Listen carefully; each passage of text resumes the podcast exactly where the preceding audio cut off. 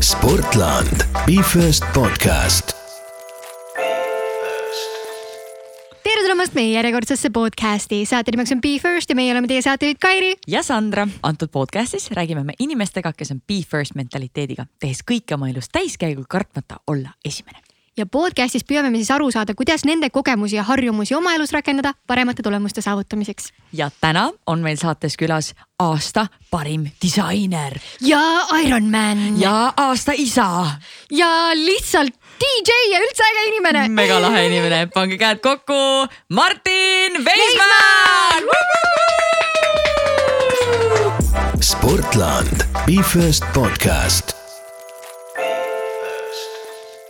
Tere tulemast, Martin. tere! ja esimene saatekülaline, kes ise ilusasti meie nagu vibe'iga kaasa tuleb, kohe hakkab ise nagu häält tõstma, väga hea. nii hea meel, et sa oled meile täna külla tulnud. aitäh, et kutsusite. kas sa tead, mis sind täna podcast'is ees ootab? Ei ja jaa, ma olen teie sage podcast'i kuulaja, aga ma ütlen niimoodi, et tulin trepist üles, siis äh, mõtlesin küll, et ok, mis see algus ja kuidas kõik asjad on, aga põhimõtteliselt pea on tühi, nii et ma olen põnevil. okei, väga huvitav. meile meeldib, tühjad lehed meile väga meeldivad ja me alustame kohe, kui meil on mõni uus vaataja väikse mänguga, esimeste mänguga. ehk siis meie alustame lauset ja sina lõpetad selle. no proovime. Nonii, esimene lemmik spordiala. Oh, ikkagi vist jalgpall jalgpall, jah, ma tegelikult mängisin jalgpalli kuskil äh, seitsmend-, esimesest klassist kuni vist keskkooli alguseni, et täitsa tublisti mingi Eesti noortemeister ja Mm. käisime turniiridel ja jah, oota, mis klubis sa mängisid siis? äh, Tartu Tammeka. Tammekas, tervitused tammekatele siitpoolt. nii äge, ma üldse ei teadnud seda sinu kohta, see ongi vaata, miks mulle esimeste mäng meeldib. oh, jaa, On jaa kuigi mul on isa on nagu selline Tartu hoki nagu, kuidas ma ütlen, number üks fänn, ma ise nimetaks Jah. nii, et ja ta on nagu eluaeg mänginud ja, ja kusjuures siin paar nädalat tagasi ühtede tuttavatega tu- ringkonnas keegi uus inimene, keda ma ei teadnud, ütles, kuule, et sul on tuttav perekonnanimi, sul isa on ju see täiega kõige suurem hokifänn Tartus. ja siis, et kuidas sinust see mööda läks, aga kuidagi oli aeg selline, et eh, mind nagu ei, hoki kuidagi ei puudutanud, pluss võib-olla võimalused on ka nii teised, mis praegu, et. kuigi ega praegu ka hokil nagu väga head võimalused ei, ikkagi on parem, ei, ei, ma ikkagi olen Eesti hoki pooldaja, selles suhtes mulle meeldib vaadata, Robert Rooba suur fänn ja Ahah. nagu aga ta mängib ju Soomes ju. jah, aga ta on ikkagi Eesti koondise põhivend True that, true that. nii, aga lähme järgmise esimese küsimuse juurde. esimene asi, mida sa hommikul teed? Oh, praegusel hetkel ma olen siis äh, kahe, kahe lapse isa, siis ma ärkan tegelikult, mul äratuskella enamasti ei pane, mul äratus on kõrvalttoast on issi, emme. nii et see on esimene asi, ma lähen Maria tuppa, siis ta enamasti ütleb mulle ei, mine ära, las emme tuleb. aga, aga. siis sa oled jess. mõni päev solvun, mõni päev räägin ära, et kuule, aga lähme sööme šokolaadimüslit, siis on aa, okei okay,, lähme. nii et siis ähm, see on esimene asi jah, ma lähen lapse tuppa aga mis kellas see äratus siis on tavaliselt? No ütleme kuskil poole seitsmest kella kaheksani seal vahemikus. okei okay., oota, sul on, üks on kaheaastane, teine on veel noorem on üks on kaks pool jah, teine on viiekuune. ja sa saad magada reaalselt, et sa pead nagu no mul on super abikaasa Anna, esiteks äh, tema hoolitseb väiksema eest ja siis mina hoolitsen äh, Maria eest öösel, nii et aga ta on ka tubli, et äh, noh, praegu vot kui on need rasked ajad on möödas, siis nagu mõtled, et ei, me saame täitsa normaalselt magada. kuigi on olnud väga rasked hetked mis need rasked hetked siis? No noh, võib-olla see vaimselt lihtsalt, et kui teine laps tuli perre, siis äh, oli äh, noh, pigem oligi rollid jaotatud, mina olin rohkem siis tegelesin Mariaga öösel, noh nagu praegu ka, aga ikkagi üks ärkab üles, siis karjub, ärkab teine üles ja pigem selline vaimselt enda jaoks, kui on uus harjumatu olukord, siis sa oled lihtsalt stressis alateadlikult, et.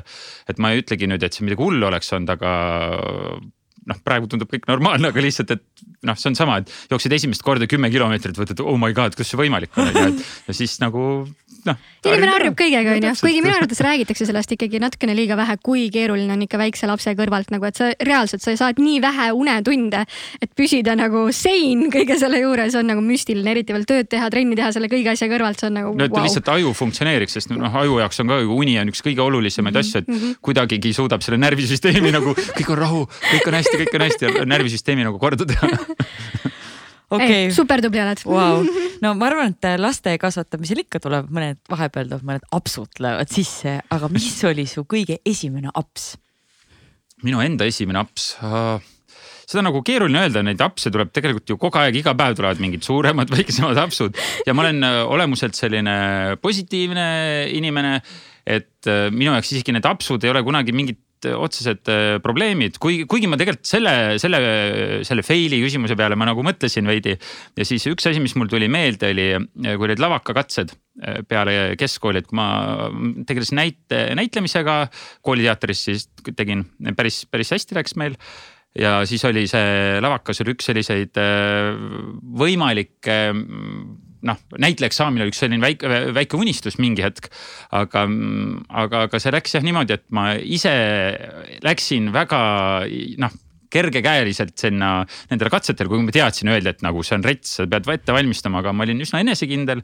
ja nagu ma ütlesin, ei noh, esimene ring, no problem, aga, aga sealt sain enda korralikud vitsad sellega, et ei olnud ette valmistanud ja jooksingi kokku ja noh nii ongi. aga mis siis juhtus, mis sind jooksutas kokku, mis seal nii keerulist oli? Ma ei oskagi öelda, võib-olla see, võib-olla suhtumine seal üks osa on, oli laul Äh, või, või luuletus või siis pidid midagi ette kandma ja noh, laul on nagu asi, mul muusika on totaalne melomaan, olen fänn, meeldib. aga, aga ise laulda ei oska, kunagi ei ole osanud, kuigi olen kõva häälega seda alati teinud, on ju. Äh, ja siis seal oli, pidi midagi esitama, et see oli koht, kus oleks võinud äh, midagi harjutada, teha kindla peale niimoodi, et nad ei pane tähele, et ma laulda ei oska, et okei okay,, fine keskendume millegile muule. aga ma ei mäleta isegi, mis loo või mida ma valisin, aga ühesõnaga noh, see ei tulnud välja. värin oli nagunii sees ja siis kuidagi noh, see oli noh, see oli päris kohutav, ma olen kindel aga kas sa täna tunned, et see oli isegi võib-olla hea, et äh, läks niimoodi? ja, ei absoluutselt, ma olen selle peale mõelnud, äh, ma totaalselt austan näitlejaid, see on väga raske elukutse, äh, hästi põnev, kindlasti isiklik, noh, ma ütlen, et inimese enda persooni kasvamise mõttes see on nagu väga-väga huvitav on see näitlemine. Ja, ja, ja vaimselt kindlasti ja füüsiliselt ka raske aga praegu ma olen jah õnnelik, et see, ma võin öelda, kusjuures ma olen just mingi aeg tagasi mõtlesin, et ma olen nüüd äh, kolmekümne viie aastane. ja ma ütlen esimest korda elus ma olen üsna rahul ja tean, mida ma tahan teha ja mis mulle meeldib. sellega on meeletult palju aega läinud, aga, aga mul on hea meel, et minust näitleja ei saanud ja, ja üldse elus sellistel juhustel on minu arust väga-väga suur roll, et tasub nagu noh, sa iial ei tea, mis, mis tuleb, nii et selles suhtes. lasta elul minna jah ja,? tuleb, tuleb jah, vahepeal tuleb kokku võtta ja siis vahepeal tuleb minna lasta ehk siis nüüd kolmekümne viieselt sa oled saad aru, et okei okay,, see on nüüd see, mida ma pean tegema? jah, vähemalt ma olen õnnelik omaga rahu leidnud, et ma tahan teha seda, mis ma praegu teen, elu on huvitav ja noh, nii palju väljakutseid on, mida teha, nii et praegu jah. väga hea, ma peas arvutan, mul on äh, poolteist aastat aega et.... kuigi Sandra, kahjuks ma pean sulle ütlema, et kõik inimesed ei pruugi seda leida see on nagu helesinine unistus, ma arvan, väga paljude jaoks.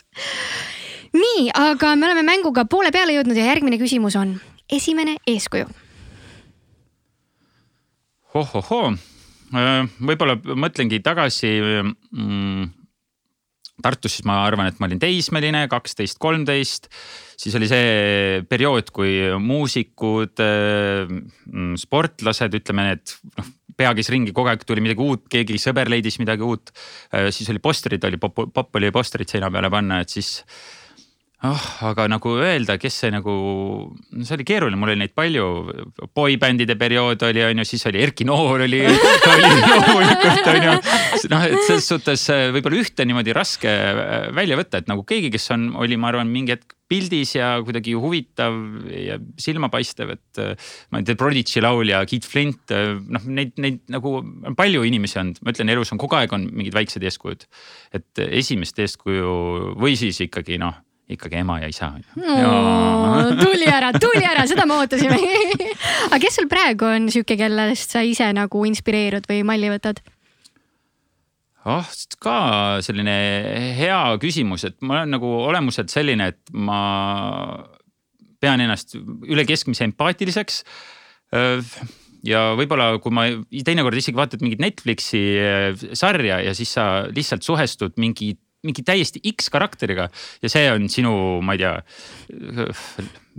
eeskuju of a day või midagi mm, -hmm. midagi sellist, et, et, et ma nagu igapäevaselt noh sa kohtud nii huvitavate inimestega, et, et mul niimoodi ühte ei olegi, et, et võib öelda, et kõik inimesed, kes hingega oma asja teevad, on mu eeskujud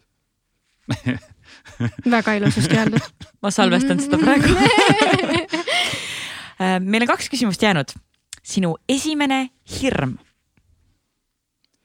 mulle tegelikult ei meeldi kiirus, see on huvitav, mingi, mingi teatud. jet, sa sõidad äh, rattaga, ma ei tea, mis su see Ironmani keskmine seal tuli? see ei olnud midagi hullu, see oli kolmkümmend üks pool või midagi sellist aga kiirus võib-olla on, äh, võib-olla jah, on selline, ma ei ütle, ma ei oska öelda, kas see nagu hirm on, aga näiteks autoga sõites ka ma ei ole nagu tüüp, kes on mingeid piire nagu kompinud, mind nagu ei, ei huvita. sest see mingi hetk kaob, äh, kui see kontrolli hetk kaob ära, see on võib-olla asi, mis, mida ma kardan. Ähm, nii et äh, või võib-olla jah aga kust maal sul see hirm nii-öelda tuleb, et kas üheksakümmend kiltsa tunnis on veel okei okay autoga? see, see on okei okay,, aga ütleme seal, ütleme sada kakskümmend on juba selline nagu noh et ma, ma ei näe, ma ei näe põhjust, et ma ütlen, et ma olen nagu autosõidus selline, nimetan ennast selliseks noh noh, vanamutiks oota, aga kui sa rallisõitjaga näiteks oled kõrvalistmel, kas siis on ka nagu hirmus, kui sa tead, et noh, tal on ju? jõhker, ma kujutan ette, et see võib olla väga-väga hirmus. et mul äh, parim sõber Valter, kellega me teeme disainifirmat siis äh, tema on äh, noh, ta sõidab hästi ja ta saab asjast aru, nii et kui ta vahepeal äh, tahab mulle nalja teha, et siis ma hoian niimoodi, hoian sealt kuskil armatuurist kinni, lähme lõunale, ma ütlesin no nii oota, aga kui sa näiteks rattaga sõidad mäest alla, siis ikka kiirused ju lähevad päris suureks, ikka viiskümmend pluss ja kuuskümmend. ega siis on ja on ka selline veidi ebamugav. eriti seal Otepää kurvis nagu see on oh, väga man. ebamugav see linna poole tagasi nagu. sest mul, mul oli Ironman Tallinnal, äh, ma laenasin sõpradelt esi- ja tagajooksu ja siis, äh, ja siis oli ka vihma sadas ja siis äh, viimasel tunnil ja siis, kui ma tulin selle Astangu juurest mäest alla, siis oli ka kiirus oli ka mingi viiskümmend kuus või midagi sellist mm -hmm. oli sadanud ka ja siis mõtlesin, okei okay,, et mul oli niimoodi, et mul oli ühe sõbra esi ja teise sõbra tagajooks, mitte nagu üks, et kui ma nagu ära lõhun, pikali käin, siis nagu damn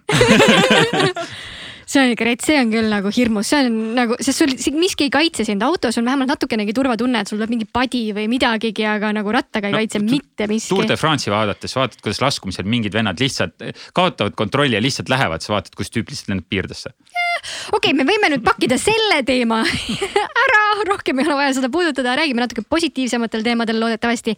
meie viimane küsimus, esimene mõte täna oh et ma magasin vähe palju tunde tuli?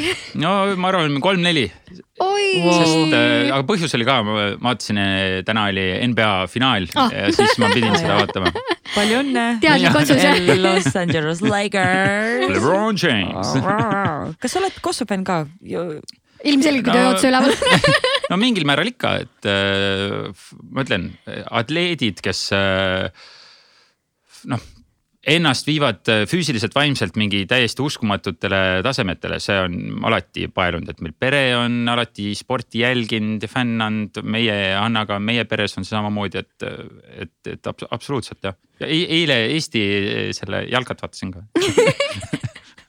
Kust sa võtad selle aja, et seda ka veel ah,, okei okay,, Una arvelt sain, sain juba vastuse. Kuigi, kuigi see on jah, see on äh, jah aga sa saad praegu endale seda lubada, kui sa, kui sul on hooaja ettevalmistus, näiteks kui sa teed Ironmani ettevalmistust, siis vist unetundide pealt. ei, ei saanud jah, see ei saanud jah iseenesest äh, ma ütlen, et äh, mõnes mõttes on, äh, ma ei tea, kes seda öelnud on, aga ütleme, kui sul on isegi ma ütlen väikesed lapsed, siis põhimõtteliselt on töö läbipõlemine võimatu, sest sa lihtsalt, sul ei ole seda aega läbi põleda.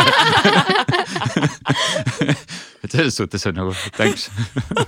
Väga hea soovitus kõigile, kes on töönarkomaanid nagu, hankige endale laps et noh, see paneb, paneb mingid piirid ja noh, et kui sa teed Ironmaniks treenid ka, siis see paneb järgmised piirid, nii et siis sa nagu seal sees peadki hullu panema oh,. Wow.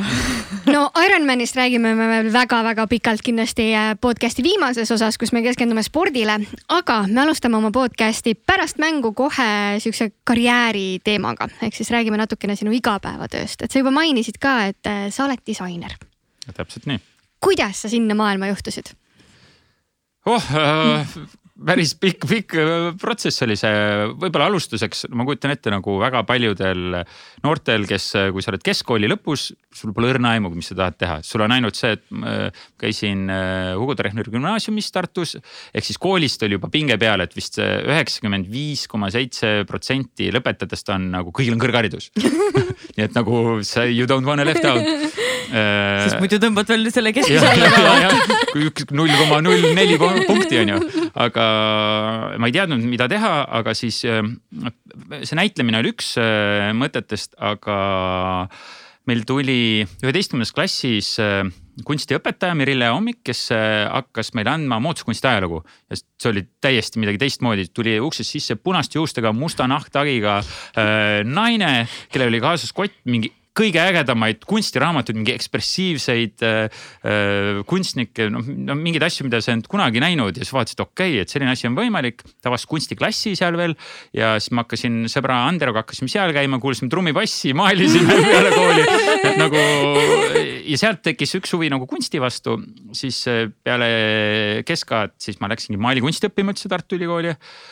tegin aasta ära, mõtlesin ei tea, käisin sõjaväes, läksin tagasi, õppisin maalikunsti, siis, siis tuli MTV.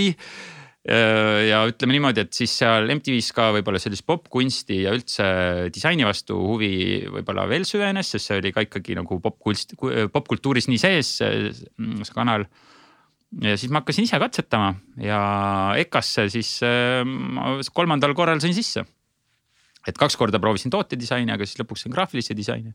ja muidugi siis ma tegin aasta ära, siis ma mõtlesin, et, et noh, kooli poolt öeldi, et kuule, et noh, sa oled päris palju asju teinud, aga et võiks nagu rohkem pingutada, et. ja siis, siis ma käisin, olin reklaamiagentuuris hoopis aasta tööl, siis mõtlesin, okei okay,, noh, et noh, proovime midagi muud.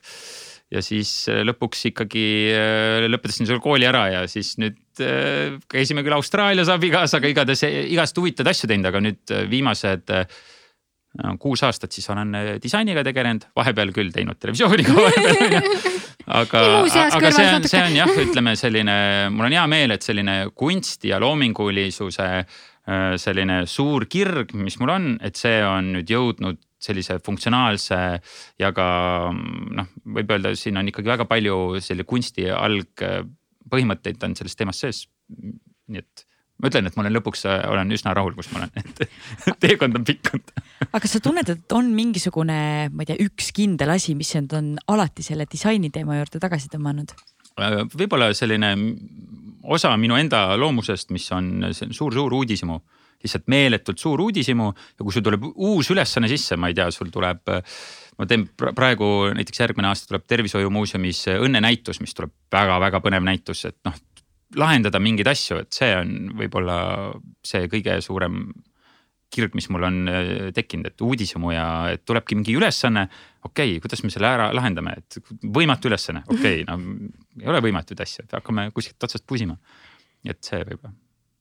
See on nii äge kuulata, et äh, sa EKA-sse nagu kohe ei saanud sisse, aga samas nüüd sa oled äh, aasta kakskümmend kakskümmend äh, disainer on ju. jah, koos Valter Jakovskiga. koos Valteriga, täiesti uskumatu tulemus, et mis sa ise arvad, mis on üldse hea disaini nii-öelda alustalad? alu, põhiline alustala on ikka nagu probleemist äh, arusaamine, et kui keegi isegi tuleb, noh, ma ei, noh, me teeme identiteete ehk siis, kus sul on logo, tüpograafia, foto, noh, kõikvõimalikud asjad, mis käivad selle identiteedi juurde. kas see on teenusele, näitusele, veebilehele, noh, mis iganes. et siis tegelikult aru, aru saada sellest, et kui see klient või teenus või kes iganes äh, asi, mida sa pead lahendama aru saama, mis on tema päris nagu probleem. Ja see on nagu selline asi, mis vajab no, julgust, et noh, me saame kokku, enamasti on inimesed ikkagi võõrad inimesed, et sul esmakohtumine, siis on selline, sul peab usaldus tekkima, sa pead rääkima, mis sa teed, mis temal on vaja, miks tal on neid asju vaja, siis mingil põhjusel tihtilugu alguses ei öelda, mida neil tegelikult vaja on, sest noh, et me tahame logo, aga tegelikult teil on vaja, kuidas saada kõige ägedam äh, mingi innovaatiline pitsa mingi kohaletoomisüsteem välja mõelda või noh, et ühesõnaga, et see võib muutuda see ülesanne, et et äh, hea di- di- disain on nagu funktsionaalne, esteetiline, temast saab ise aru, et disain peab iseenesest rääkima, et ma saan aru, kuidas seda kasutada, noh jalgratast lähen istun peale, ma saan aru, et ma ei pea mingi instruktsiooni, instruktsioon, instruktaaži lugema. et jah, minu jaoks disain tundub lihtsalt väga suurel määral subjektiivne, eriti kui sa istud ja arutad nagu, et milline logo nagu kõige ilusam logo nüüd on. mis sa arvad, kas see on objektiivne ja see on subjektiivne ikkagi? Eks ta, eks ta ole ikkagi subjektiivne lõpuks võib öelda, aga, aga need mingid põhialustalad, millele mõelda, need ikkagi nagu ei ole, et me- kellele me teeme seda logo, miks me teeme seda, kes meie konkurendid on, mida me tahame saavutada, millist kuvandit me endast tahame luua, et, et no tegelikult need asjad on kõik vaja läbi mõelda. siis see ja, ja logo iseenesest on nagu selline noh, mingi märk mida lihtsalt dubleeritakse palju ja seda tehakse nii palju, et mingi hetk see tundubki, oo, see on brändi osa, et. et noh, ma ütlen ka kasvõi see lege Nike'i logo tehti kolmekümne viie või kuuekümne dollari eest on ju. ja see on lõpuks alguses on märk, et see ei ole keegi, et nüüd ütleb, oo, ma tahan, et nüüd see maksab noh, palju see praegu väärtus, mingi miljardit. Aga, aga loeb see, et äh, kuidas, äh, mis materjali kasutatakse, mida lahendatakse, kas nad on innovaatilised, no kõik, kõik sellised asjad, et see märk on lihtsalt kogu selle paketi nagu selline visiitkaart. et, et kui see kõik asjad, kuidas ma ütlen, kui sul on suurepärane teenus, kõik asjad on jube hästi läbi mõeldud, siis see logo ei mõjuta sind nii palju, kui, kui, kui sul on asjad nagu veidi logisevad sa oled seda disaineri tööd äh, päris pikalt teinud ja tegelikult sa oled saanud ka varasemalt auhindu. kui sa mõtled selle peale, et äh, kõigi nende tööde peale, mis sa teinud oled, siis mille üle sa kõige uhkem oled oh.? vist äh.... too see lemmiklaps välja nüüd Nonii vist ei ole ikkagi sellist äh, lemmiklast, sest ma ütlen, et see see lemmik, äh, on ikkagi see, et kui me Valteriga võtame mingi asja, uue ülesande ja hakkame seda nagu otsast lahendama. alguses on see mingi täielik äh, sasipundar, siis hakkad seda lahti arutama äh, kliendiga, räägid, küsid, uurid, üritad asjast aru saada, üritad, miks mingid asjad, protsessid käivad ja siis hakkad sinna looma mingit kuvandit juurde, et, et ma ütlen nagu see protsess, see on ikka kõige ägedam, et ja, ja see tuleb nii koostöös selle äh, kliendiga ka, et, et, et mul vist ei ole niimoodi lemmikut, mul lemmik on see, et kui ma, kui me teeme mingi asja, mis hakkab ise elama, ise toimima, et noh, näiteks tegin lastekirjanduskeskusele praegu just uue identiteedi, mis nüüd kohe-kohe välja tuleb. Nagu see hetk, et kui lapsed ja täiskasvanud leiavad asjad üles ja nad tunnevad, et oh, see on päris õige asi, see on nagu nende, nende, nende maailm, see on jaa, siin ma tahan olla, see mulle meeldib. lapsed tahavad rohkem raamatuid lugeda, nad leiavad üles selle koha, siis nagu see, see ongi lemmik, et aga kui tihti tulevad kliendid nagu väga konkreetse teadmise ja sooviga või kui tihti juhtub seda, et sa pead ikkagi nagu hullult kaevama ja sa tegelikult saad aru, et see probleem, mida nad tulevad lahendama, ei ole tegelikult see probleem mm, -hmm. mida nad peavad lahendama? no see on ikka, ikkagi peaaegu kogu aeg aga, aga ma ütlen, et äh, aga see on ka see, et see, sellest saab aru, ega ise saad aru ja klient saab aru siis, kui see lähete äh, süvitsi, hakkate tegelema nende asjadega. esiteks tekib usaldus, et nad üldse usaldavad, et me tõesti teame, mida me teeme, et me oleme noh, me oleme, me oleme kaevanud neid asju noh, kuus aastat või noh, enne veel õppinud ka kümme aastat. et me umbes teame, et mis võib juhtuda, aga, aga meie ei tea enne, kui me noh, hakkame seda tegema no aga, aga neid neid identiteete ja, ja seda, seda visuaali, seda luuakse nii palju. kuidas sa leiad inspiratsiooni midagi uut välja, välja mõelda? oh, oh, mul, mul tunne, et tegelikult selle nagu selle uue tunnetuse tekitavad ikkagi ka nagu täiesti. isegi ma ütleks, et kui sa isegi kopeerid mingit asja täiesti üks-ühele, siis see ikkagi on lõpuks teistsugune.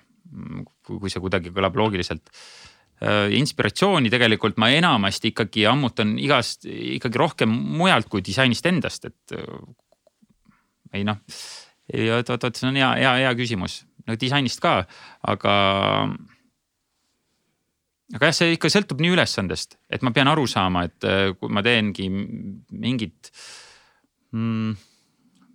mõtlen kohe päris, päris, päris raske wow,. panin Martini et see on jah, see, see, sellel ei ole sellist nagu kiiret äh, vastust ei, ei ole, et see sõltub ülesandest eelkõige. noh, selge see, et mingid trendid on, aga nagu üldjoontes on nagu hea ikkagi või mitte hea, aga meie põhimõte on ikkagi asjast, asja endasse süveneda ja sealt hakkavad need kuidagi need protsessid äh, ise liikuma, jah. probleem ise inspireerib jah, ja võib öelda küll. Ja no inimesed ikkagi ka, et kui sul on keegi, kes fännab, teeb, ma ei tea, oma väike, väikeettevõte või mingi suur, suurettevõte, kes tahab mingit uut asja tuua, et siis see ikkagi inimesed inspireerivad, mida nad teha tahavad. Ja et, et meie ülesanne on ju aidata mingeid protsesse nagu selgemaks teha või kiiremaks teha või noh, sõltuvalt, mis ülesanne on, et, et see on põnev et sa pigem lased äh, nendel ideedel tulla enda juurde, et sa nii väga ei otsi, vaid et äh, kuidagi oled avatud selleks, et no,. see on jah, vahepeal see on nagu minu arust selline nagu hästi-hästi kiire ja aeglase mõtlemise nagu vaheldumine, et vahepeal on vaja noh, ongi otsid inspiratsiooni, vaatadki, et noh, ma ei kujuta ette, restoran. et mis sarnaseid restorane üle maailma on tehtud, on ju, siis vaatad, mis see nende teema on lähed süviti ja siis vaatad, kas seal on kuskilt mingeid paralleele. noh, et, et, et need mõtlemised, mitmed protsessid käivad nagu käsikäes, et seal ei ole jah, sellist ühte suunda, et see, sellepärast see disainitöö, ma saangi aru, et mulle ongi meeldinud, et iga ülesanne on nii erinev. see lahendus on nii erinev, et see on see, mis mind paelub, et ma ei ole väga selline ühe koha peal passija. et siis see, see, see on jah, ma arvan, see okei okay,, me rääkisime, et sa, sa ilmselgelt teed väga head tööd, aga ma tean, et nii pika karjääri jooksul midagi ikka peab juhtuma. kas on mõni projekt, mis on nagu täiesti aia taha ka läinud? et praegu nagu ei pane oma portfooliosse, ei ütle nagu, et oma nime ei pane külge sellele. jah, ei siin isegi kusjuures äh, hiljaaegu oli üks äh, projekt, ma siis nimetan seda projektiks, mis jooksis nagu kokku omadega. ja, ja, ja tagantjärele mõtlesin, mis, mis seal juhtus et üks teenus ühele finantsettevõttele ja kõik nagu jooksis, aga, aga, aga jooksime kuidagi niimoodi, et, et, et ei liikunud mingist hetkest edasi ja siis otsustati, et noh, paneme siis punkti ja seekord on nii. Ja siis ma olen selle üle mõelnud ja ma saingi aru, et, et selles samas protsessis, mis läks nagu valesti, on see, et, et et, et kui sa tahad mingit asja välja mõelda, siis seal on noh, näiteks identiteedil on mingid punktid, noh näiteks, et kliendi poolt tuleb mingid kindlad fotod on juba välja mõeldud või, või tekstid või mingi sisend on, aga seal probleem oli see, et neid lahtisi otsi oli nii palju, et kui ma üritasin mingeid otsi kinni panna, siis kuidagi keegi ei tahtnud midagi ära kinnitada. ja sealt lõpuks oligi see, et tundus, et meie ei saa hakkama ja nemad ei saa hakkama ja kuidagi me oleme õnnetud kõik. ja siis äh, tegelikult see protsessi probleem oli selles, et mingi hetk oleks pidanud mina äh, disainijuhina siis panema äh, et me ei tee edasi, et me ei tee veebilehte, kui meil neid pilte ei ole, sest see, see foto on selle asja alustala. ja kui neid ei ole ja need on nagu imago pildid, siis sealt ei tule lahendust. ja, ja seda ma õppisin sellest samast projektist, nii et tegelikult on kogu aeg õpib ja minu arust ongi oluline kogu aeg ennast arendada ka ja noh, aru saada, et mis läks hästi, mis läks halvasti, et. ja, ja üldjoontes need, mis asjad õpetavad kõige rohkem ikka need, mis läheksid halvasti, need on ikka kõige valusamad Need paned kõrva taha, need jäävad meelde aga noh, sa rääkisid ka praegu, et tegelikult sinu töö ei ole ainult disainida ja disainer olla, sest teil on Valteriga ikkagi kahe peale ettevõtet, sa justkui juhid ka ettevõtet, et mm -hmm. kui suur roll nagu on just see majanduslik pool või nagu see ettevõtte juhtimise pool? Kes arveid koos, koostab ei no arved koostab. ja müügitööd teeb ja enda mingeid asju, brändinguid no, asju, turundust teeb. Valter teeb äh, raamatupidamist nagu selles suhtes ta on äh, tubli et ta on, et äh, ja mina olen see, kes viimasel hetkel nagu kuule, come on, too kasvõi tšekid õigel ajal ära onju, et siis on ja, ja, ja kohe-kohe teen. et eks väikse, väikeettevõttel on jah, keeruline pool on see, et sa peadki tegema neid kõiki osapooli. ja see, see teeb nagu keeruliseks Äh, aga mm, ma ei teagi. Äh, tuleb lihtsalt, äh, tuleb lihtsalt ära teha või ma ei oska öeldagi. aga kui suur osa see üldse ajast on, et kas see on nagu aja planeerimine, aja planeerimine üldse on, ma ütleks, et kõige olulisem, kõige olulisem hetk, et. et ma ise leian, et ma üritan teha niimoodi, et ma päevas panen projektidele oma kindlad piirid noh, näiteks teen kolm tundi, neli tundi, ma track in oma aega ka. ja on mingid ajad, kui ma nimelt meil, telefon, kõik on väljas, mind noh, ma ei suuda süveneda, kui tuleb mingid asjad sisse, noh mingid päevad on, kui vastadki telefonile ja mingi saadad hinnapakkumisi välja, et see on okei okay.. aga et jõuaks süveneda, siis on vaja rahulikult võtta, võtta aega. et ähm, jah, oma, omaette selline challenge on see aga, aga saab, saab, saab hakkama, nii et meil on kuidagi läinud selles suhtes väga-väga hästi. et me ei ole ise pidanud tööd tegelikult väga otsima, et meid on leitud ja endiselt leitakse ja me oleme selle üle väga õnnelikud. meil on püsikliendid tekkinud ja, ja, ja, ja tegelikult on ka see hea tunne, et kui sa ikkagi mingi hetk saad hakata mingeid asju ära ütlema, siis saad aru, et okei okay,, ma olen järelikult jõudnud mingi uue tasemeni, et ma saan aru asjadest ja ma suudan seda lisandväärtust pakkuda võib-olla nagu raskematele ja suurematele asjadele. aga kas mõnel hetkel on olnud ka, et kui sa peadki mingeid müügikõnesid tegema ja arveid majandama, tšekke orgunnima, tekkinud siuke tunne, et kurat, võiks lihtsalt mingisse suurde agentuuri minna teha ainult disaini nagu? ikka on see mõte vahepeal olnud, aga ütleme nii, et see, see on läinud nagu üsna, üsna ruttu, üsna ruttu ära. Sest äh, ma väga naudin, et seda protsessi, mis meil Valteriga ütleme on üsna unikaalne, kui hea klapp on, me oleme hästi erinevad karakteritena ja täiendame üksteist, et ja, ja, ja see on nauditav ja see on nagu noh, ise õpid ennast teist ja ma, ma nagu ei, ma ei, ei vahetaks seda küll välja, ma saan aru, et oleks mõnes mõttes võib-olla lihtsam, finantsiliselt ma arvan, et lühe, lühemas perspektiivis on see kindlasti on edukam, aga nagu pikas plaanis ja ma, mulle väga pikad plaanid meeldivad. on see, ma arvan nii vaimselt kui ka noh, ma arvan finantsiliselt kasulikumgi kas Eestisse mahub veel disainereid, sest mulle tundub, et meil on neid nagu päris palju. ma ei tea, kus maailmas sa elad, minu arust on jumala vähe häid disainerid nagu hä head disainerit okay, leida no, on nagu räägime... tikutulega mingi, kus sa oled? Aga kuidas sulle endale tundub, kas konkurents on äh, kõva? minu arust konkurents on nagu väga oluline ja minu arust on konkurents on hea praegu, mulle meeldib, et on tekkinud sellist äh, väiksemaid äh, agentuure, kes teevad täiesti, kes teevadki ainult veebi, kes teevad, ma ei tea, tüpograafiat ainult, et minu arust see on nagu väga-väga hea, see tähendab, et meil spetsiifilised erialad saavad ka minna paremaks, inimesed, kes on mingis asjas täielikud fanatid ja, ja professionaalid, nemad saavad tegeleda oma selle asjaga. noh, et ma mõtlen ka, et kui sa oled sportlane ja sa pead nagu ise manageerima ennast, siis noh, see on ju tegelikult jõhker, et sa ei saa keskenduda sellele, mis, miks, mis sa, milles sa kõige parem oled. et äh, minu arust konkurents on praegu küll nagu väga-väga-väga mõnus on see, mis toimub, väga häid äh, agentuure on no ma, ma teen natuke sellise, võtan sellise ohmu rolli hetkel, ma päriselt ei mõtle või päriselt ei mõtle seda küsimust. ma tegelikult ei ole loll. aga kui on mõni inimene, kes on praegu näiteks ettevõtte omanik ja mõtleb praegu, miks mul on vaja seda tuhandeid eurosid maksvat CVI-d, erinevat tüpograafiat, mingid pildid, miks mul on seda vaja? tuhandeid, ma olen ikka siin kümneid tuhandeid ka kuulnud. no okei okay,, kümneid tuhandeid. miks, miks seda on vaja? No. ma lihtsalt võtan sealt pangast, vaata, laen alla mingisuguse. palun, vabalt bränd.eesti.ee et äh, miks äh,, miks seda on vaja, no kõigepealt on ikkagi vaja mõista, et miks äh, miks on vaja seda teha, et see on nagu, mis see nagu eesmärk on. Äh, eesmärk on ju, kas siis muuta kuvandit silmatorkavamaks, ma ei tea, tuua välja, et ettevõte, ma ei tea, näiteks on innovatsiooniline ettevõte, aga seda, see kuvand ei tule kuskilt välja. et see see üle, see ikkagi, see probleem peab tulema sellest ettevõtte seest, et, et kui sa mõtled, et okei okay,, et äh, ma mõtlen, üritan, et üritan mingit paralleeli tuua äh, kiiresti. Et äh, noh, et miks et miks on näiteks vaja, et saad, saad osta ülikonna, mis tehakse sulle ekstra, on ju, saad osta kuskilt mingit noh, kuskilt ma ei tea, kust iganes, kaltsukast näiteks ka, Saarast täpselt. aga see ongi see oluline küsimus on see, et, et eh, mis see põhjus on, kui sa tahad lihtsalt viisakas olla, siis noh, okei okay,, sul võib tegelikult need kõik sobivad mm -hmm. hästi.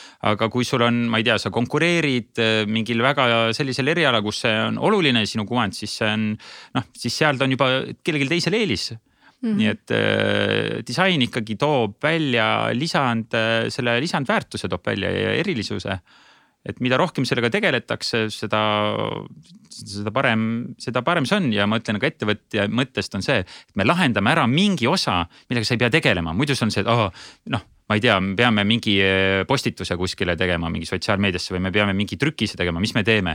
kulutame aega, raha, ei taha kellelgi maksta, kasutame mingit freelancer'it, siis on kõik asi on hullult pilla-palla, siis lõpuks ei saagi aru, mis teha tahetakse, aga kui sul nagu võetakse kontsentreeritult, mõeldakse, ma ei tea, kahe aasta plaan välja siis sina saad tegeleda sellega, mis on see, milles sina hea oled ja see kuvand näitab, mida sa teed. see on nagu mingi äh, nagu reeglistik või mingi juhend äh, tegelikult äh, jah, mingid põhimõtted jah. ma pean ausalt ütlema, ma aitasin äh, teha ühele sündmusele suvel sotsiaalmeediat ja sellel üritusel endal oli olemas CVI mm -hmm. ja see oli nii palju Elu lihtsam. lihtne kohe. see oli nii lihtne ma ütlesin pärast nendele inimestele, te olete tšempionid, palun tehke seda. mis värvi ma siia teksti panen, olemas, kuhu kaugusesse ma logo panen, olemas, kõik on nagu. see on nagu kokkulepe, eks Mhm. ole. nojah, kokkulepe seal on, tekib ikkagi äh, usaldus tekib läbi mm, kindlate reeglite, et sa saad aru, et ahah, et ma ei tea, Eesti riik ka, riigil ju on nagu,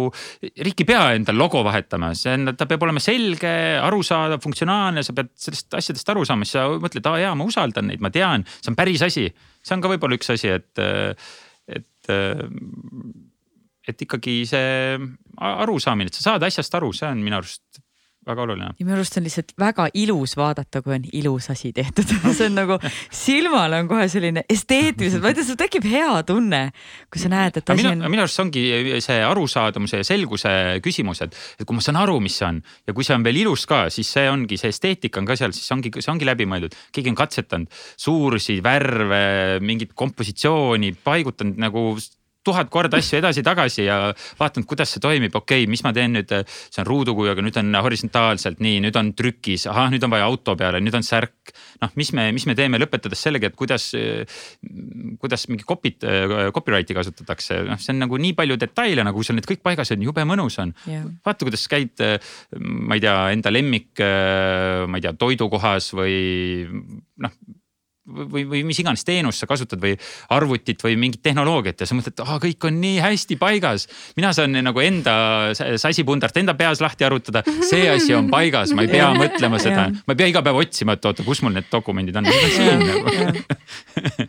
ma ütlen ausalt, ma räägiks sellest disaini teemast siin veel nagu väga-väga pikalt, sest et minu jaoks see on hästi põnev ja on lahe minu arust on väga kuulata. hea näide heast logodisainist sul kaelas praegu, et isegi ehtena töötab swoosh ehk siis Nike on reaalselt kaelaketti jõudnud omadega.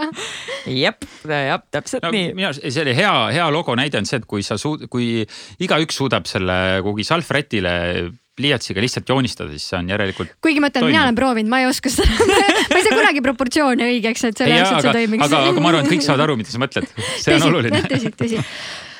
jah, tõmbame disainile tegelikult joone alla, ehk siis, et äh, disaini pool jääb korraks sinna, aga siis, kui me räägime sellest, et kes sina inimesena oled, siis me just täna enne saadet ka ütlesin Lonnile, et äh, Veismann tuleb siis, saatejuht jah.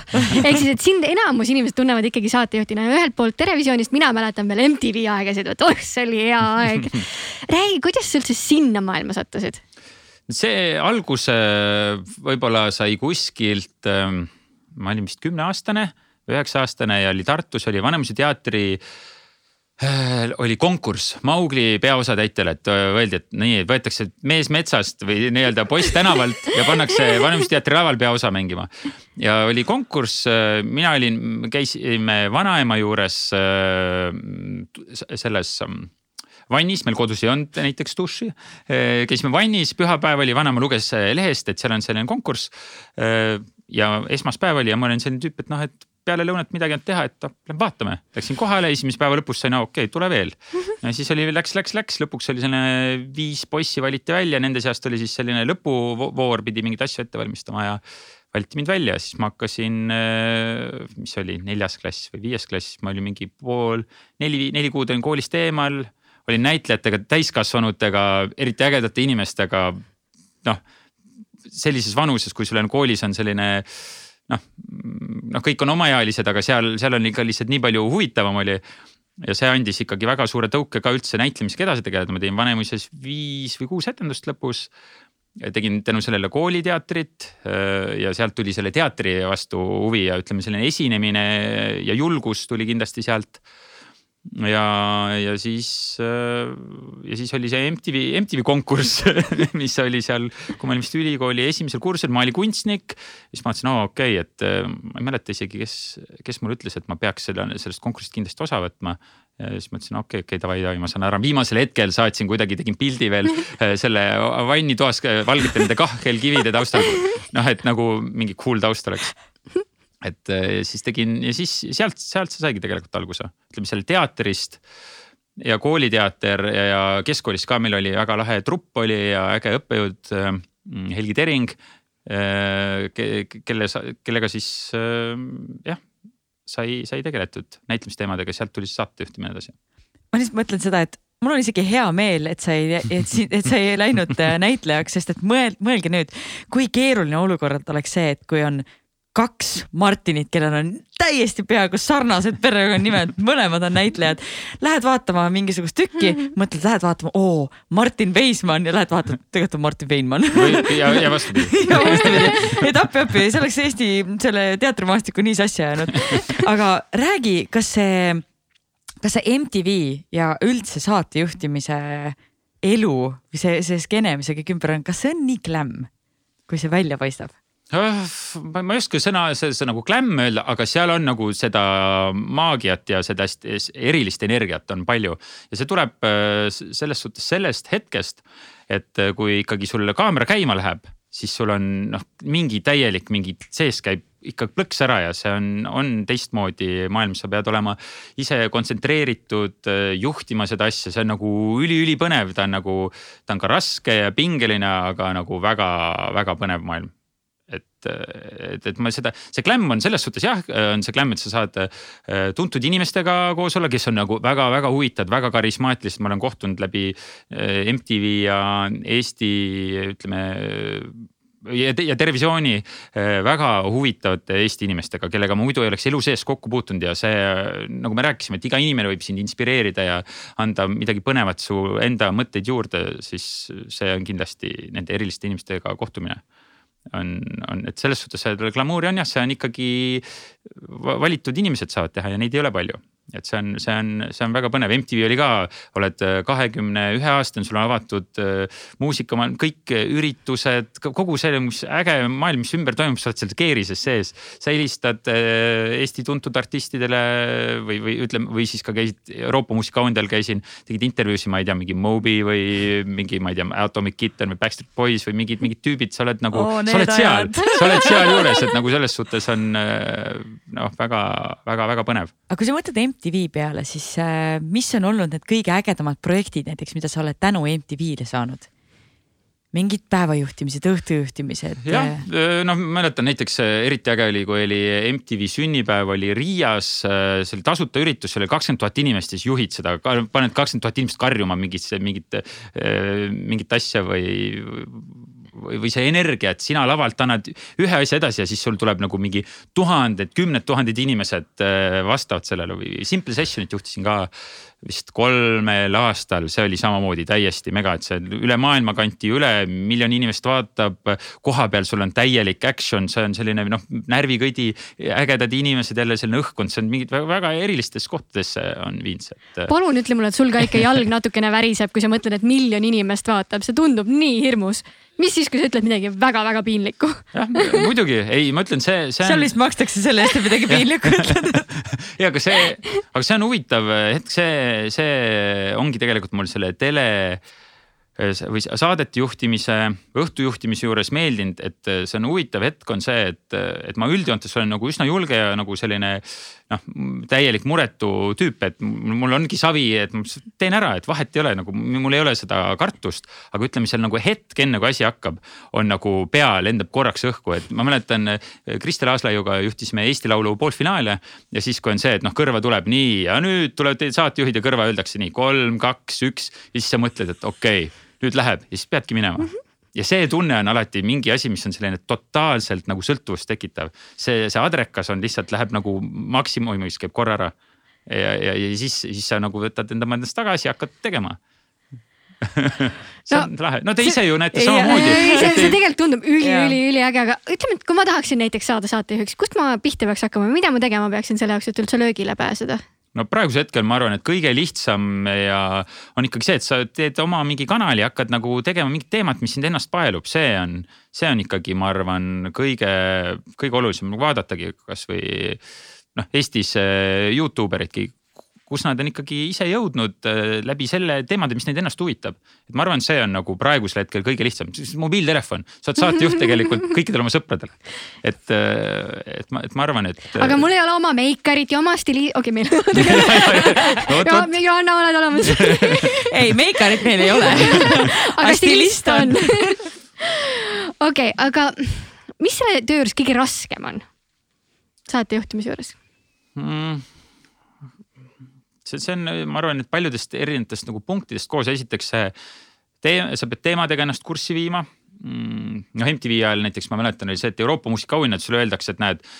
Red Carpeti juures on nagu nelikümmend äh, reporterit, kes on kõrvuti, kõik on MTV mingid äh, erinevate maade saatejuhid. ja siis sul on nimekiri, ma ei tea, seitsekümmend mingit sada artisti, kes võib-olla tulevad sealt läbi. ja sa pead nagu nende tähelepanu proovima saada, sa pead nendega mingit rääkima, sul on aega mingi kaks minutit ja sa pead olema töötame selle info läbi, nii et kindlasti selline eeltöö. Terevisioonis samamoodi, et eh, noh, et sa pead ennast kurssi viima nagu teemadega, millest sul ei ole õrna aimugi, huvi ka ei ole näiteks mingi, et. siis sa peadki endale tekitama selle huvi, aru saama, mis on asi, mis sind sellest paelub. see eeltöö on kindlasti üks eh, oluline osa, siis mm, no ikkagi töö sellega, et sa vaatad, okei okay,, teed asjad ära, vaatad, mis sulle enda juures meeldib, ei meeldi, see on eriti ebamugav. noh, siiamaani vahe ei meeldi seda on ju teha, aga saad aru, et ebameeldivad asjad võivad edasi viia, et, et. sa reaalselt vaatad järele, et kuidas sul läks või mis sa tegid? mitte, mitte liiga palju, aga osa, mingid asjad on jah, kui ma olen ikkagi nagu palju eeltööd teinud ja mul on endal mingi plaan, sest noh, intervjuu tegemine näiteks on ka see, et sa lähed intervjuud tegema, sul on nagu kindel plaan, mis sa tahad selle inimese käest, sa tead juba ja sa. inimene räägib oma juttu, sina lihtsalt juhid seda vestlust, aga sul peab enda peas see plaan välja olema mõeldud. et äh, ja see kõik võtab aega. Äh, jah, ise pead ennast suutma, see on ka huvitav, et kuidas ennast äh, kontrollida, et ma räägin, aga ma suudan kontrollida samal ajal ka enda näoilmeid noh, kõikvõimalikud asju, et seal on, see on see põnev, see on selline psühholoogia on ka seal väga palju äh, sellega seotud. et see ongi põnev, ma mõtlen, kui need asjad kõik huvitavad, siis äh, see, see on nagu see väga põnev osa tegelikult selle töö juures, et, et ütleme nii, et see, et sa oled seal eetris, et sa oled sina ja sa saad mingit tähelepanu ja jada-jada, et see on tegelikult selle asja juures on lihtsalt, see on nii või naa sealjuures, et äh, aga see põnev osa on just see, et kuidas mis kuvandit sa endast lood, mida, mis, noh, et mis, mis sind üldse huvitab, mis sa tahad teha selle asja juures, et. MTV juures mulle ka meeldis äh, muusika üleüldises mõttes väga äh,. vahet ei ole, mis muusika, et igast muusikast sa pead ka leidma, mäletan, mul oli ka mingi hetk tegin mingeid saateid, edetabeli saateid, kus ma panin Rihannale puid alla, sest mulle Rihanna absoluutselt ei meeldinud, mingid väiksed tüdrukud kirjutasid mulle hate meile, et kuule, come on, kaua võib Rihannat vihata nagu. noh, praegu ma ütlen, Rihanna on eriti äge, äge tšikk nagu selles suhtes, et ei ole, ei ole küsimust. aga, aga jah, ja, ja, ja võib-olla oluline hetk on ka see, et eh, nagu leida see, et mis sulle enda juures meeldib või nagu selles suhtes mitte enda juures meeldib, aga äh,. kuidas ma seda ütlen, et, et see iseendaks jäämine, et sa saad aru, miks, mida sa teed, et see, see, see on ka selle juures oluline. kui hm. enne seda, kui me lähme sinu äh, ühe ühe kolmanda väga olulise töörolli juurde, milleks on isaks olemine, siis ma, ma tahaks ikkagi küsida, et see, kuidas sa rääkisid laval olemisest ja ekraanide ees olemisest, sul, sul, sul, sul tekkis mingisugune nagu mingi, mingid asjad läksid siin silmis põlema. kui raske oli tegelikult sealt ära minna ja kas sa igatsed seda? Äh, ma selles suhtes äh, ühtepidi nagu võib-olla igatsen seesama, see tunne, mis sa ütlesid, see noh, silmis ongi sul see säde ja sa tunned seda reaalselt ongi nagu sõidadki. see nagu adrenaliin. surfad, surfadki yeah., ongi see adrenaliinilaks on seal sees ja oled mingi asja keerises. siis ma praegu, nagu ma alguses ütlesin, ma olen nagu väga rahul tegelikult sellega, kus ma olen, et et ma saan nii palju ise võib-olla kontrollida, et ütleme, kui sa oled kuskil ähm, teed noh, kas Terevisioon või MTV-d, sul on ikkagi mingi suurem agenda on, mida sa nagu täidad, aga praegu on ikkagi see, et see agenda on ikkagi täitsa sinu enda agenda. et ja noh, muidugi, kui me disaini teeme selle kliendiga koostöös, aga, aga, aga mulle nagu see pool tegelikult äh, meeldib. et äh, eks ikka, kui Terevisioon läbi sai, oli raske, sest see oli, ma olin sinna panustanud äh, meeletult, äh, jõhker aasta oli see tuli üllatusena ja seal minu arust oli nagu noh, seda ei, ei pikalt ei pea lahkama, aga seal oli nagu mingid eriarvamused, millega ma siiamaani ei, ei ole nagu nõus ja ma arvan, et kui oleks ühe hooaja veel teinud, siis oleks see olnud hoopis, hoopis äh, veel teine tase, et kui näiteks ma vaatangi, et äh, õhtusaadet, siis äh, vaadates, kuidas saatejuht oli esimene hooaeg versus millised nad on praegu, siis noh. see on väga nauditav ja, aga see on väga pikk protsess ja pikk tee ja töö, mis nad endaga on teinud, et. et võib-olla selle Terevisiooniga mul ise tund-, jäin tundma, et sealt jäi võib-olla puudu see, et ma oleks selle selle, see panus oleks olnud lihtsalt äh, ja tase olnud kõvasti-kõvasti parem, sest see algus oli lihtsalt oligi ju noh me Heliga, kui sinna läksime, me olime sellised kõrvarollid, aga siis mingi hetk, kui me Piretiga olime ikkagi saime nagu samad võrdsed rollid kui teistel saatejuhtidel, et siis noh, see oli ikkagi väga-väga suur samm ja sa teed seda mitte niimoodi, et sa harjutad, vaid sul on otse-eeter, see on ainus asi sul. midagi pekki läheb, siis saad teada, näed, kõmm-kõmm-kõmm puid alla, et näed ja siis sa pead ise, ise hakkama saama, et selles mõttes see televisiooni äh, maastik on ka karm, et, et äh, näiteks ETV-ski see töötajad ja inimesed on ikka, kes neid saateid teevad, nad on nagu totaalsed fanatid, nad panevad endast nagu nii palju sinna sisse, et see on nagu meeletu, meeletu töö, mis nad teevad ja. ja noh, siis noh, ongi sul lõpuks see, see olgu, on see, see, seesama tähesära, aga, aga ütleme, et see, see töö, mis sinna sisse läheb, on nagu väga-väga hull ja, ja, ja MTV oli selles suhtes naljakas, et MTV lõppes tegelikult äh, niimoodi, et meil oli ju MTV Baltic ja siis äh, leedukad lasid firma lihtsalt pankrotti ja siis meil üks hetk ei olnud kanalil, lihtsalt ei olnud MTV. me olime tööl kontoris, reaalselt oli kuule, kuulge, kus, kus on ja nii oligi, et. täiesti uskumatu. jah, et aga ma olen äh, väga tänulik selle mõlema kogemuse eest, see ikkagi on väga Äh, minu enda isiklikus arengus väga suur äh, roll nendel äh, kohtadel olnud. aga kui täna tuleb näiteks õhtusaade, ütleb, et kuule, Heismann, tule saatejuhiks ja noh, siis ma ikkagi, muidugi ma kuulan iga projekti ära, mis tuleb, selles suhtes on, et siin oli õhus, oli saateid ka vahepeal, aga tegin, tegin niipidi otsused, et et jätkasin disaini valdkonnas, sest ma sain aru, et, et paljud, mida võib-olla ei tea, et kui see televisiooni tegin, siis ma tegelikult tegin poole kohaga, ma tegin tööd ka, enda disainitööd, sest see oli mm -hmm. mul point, et ma ei, ei jäta seda, mida me Valteriga ehitama oleme hakanud, sest, sest ma näen, et see on oluline ja, ja siis ma seda tegin mõlemat, see oli ka täitsa ajuvaba. pluss sa said isaks ka ju ja. mingi hetk veel vahepeal. ja muidu on see, et sul on isapuhkus kümme päeva, mul oli niimoodi, et äh, me olime Mariaga olime haiglas ja siis oli, kas see oli kas esimene päev, kui ma, esimene päev, kui me koju läksime, siis oli see Eesti Laulu finaal, siis äh, Kristi Laasläigu tegime midagi ja vist plaate mängisime vist veel õhtul või ühesõnaga ja siis juba tuli minna. kas neljandal päeval juba saadet tegema Terevisiooni või ühesõnaga, aga minu enda jaoks ei ole see kunagi nagu otseselt probleem, et mulle meeldib Äh, mul meeldivad väljakutsed, mis on tunduvalt suuremad, kui, kui ma võib-olla saaks nendega hakkama, ma kunagi, see on üks asi võib-olla, mida tõesti soovitan, et, et nagu ükski asi ei ole ületamatu tegelikult, noh, tegelikult ei ole, inimese võimetel on nagu meeletud piirid sul endal on või meeletult. noh, need piirid on nii kaugel, et tegelikult me ei kombi neid, me kogu aeg nagu kombime neid, aga me viime neid järjest kaugemale, et selles suhtes tasub ennast, tasub endasse väga-väga uskuda, et see, see on oluline koht ma saan aru, et äh, selleks, et selliseid asju teha, äh, nagu sina oled teinud, sul peab olema ikka nagu mega raudkindel kaasa kõrval, kes. Äh, ja üldse inimesed enda ümber lähedased, see on väga oluline ja kaasa Anna on jah, täiesti, täiesti super. ja kust selliseid leida ei ma ütlen juhu. Just asking for a friend you know. käi tööklubis, käi tööklubis, jah. käi tööklubis või? päris praegu ei saa ju. no praegu ei saa jah, siis on keeruline aga no meie kohtusime ööklubis näiteks, kuigi me teadsime üksteist äh, varem, aga ütleme, minu, ma olen üldse näinud, et elus on väga suur Äh, roll on juhustel, äh, sa iial ei tea, mis võib tulla, minu arust selle, see on elu juures kõige põnevam ka.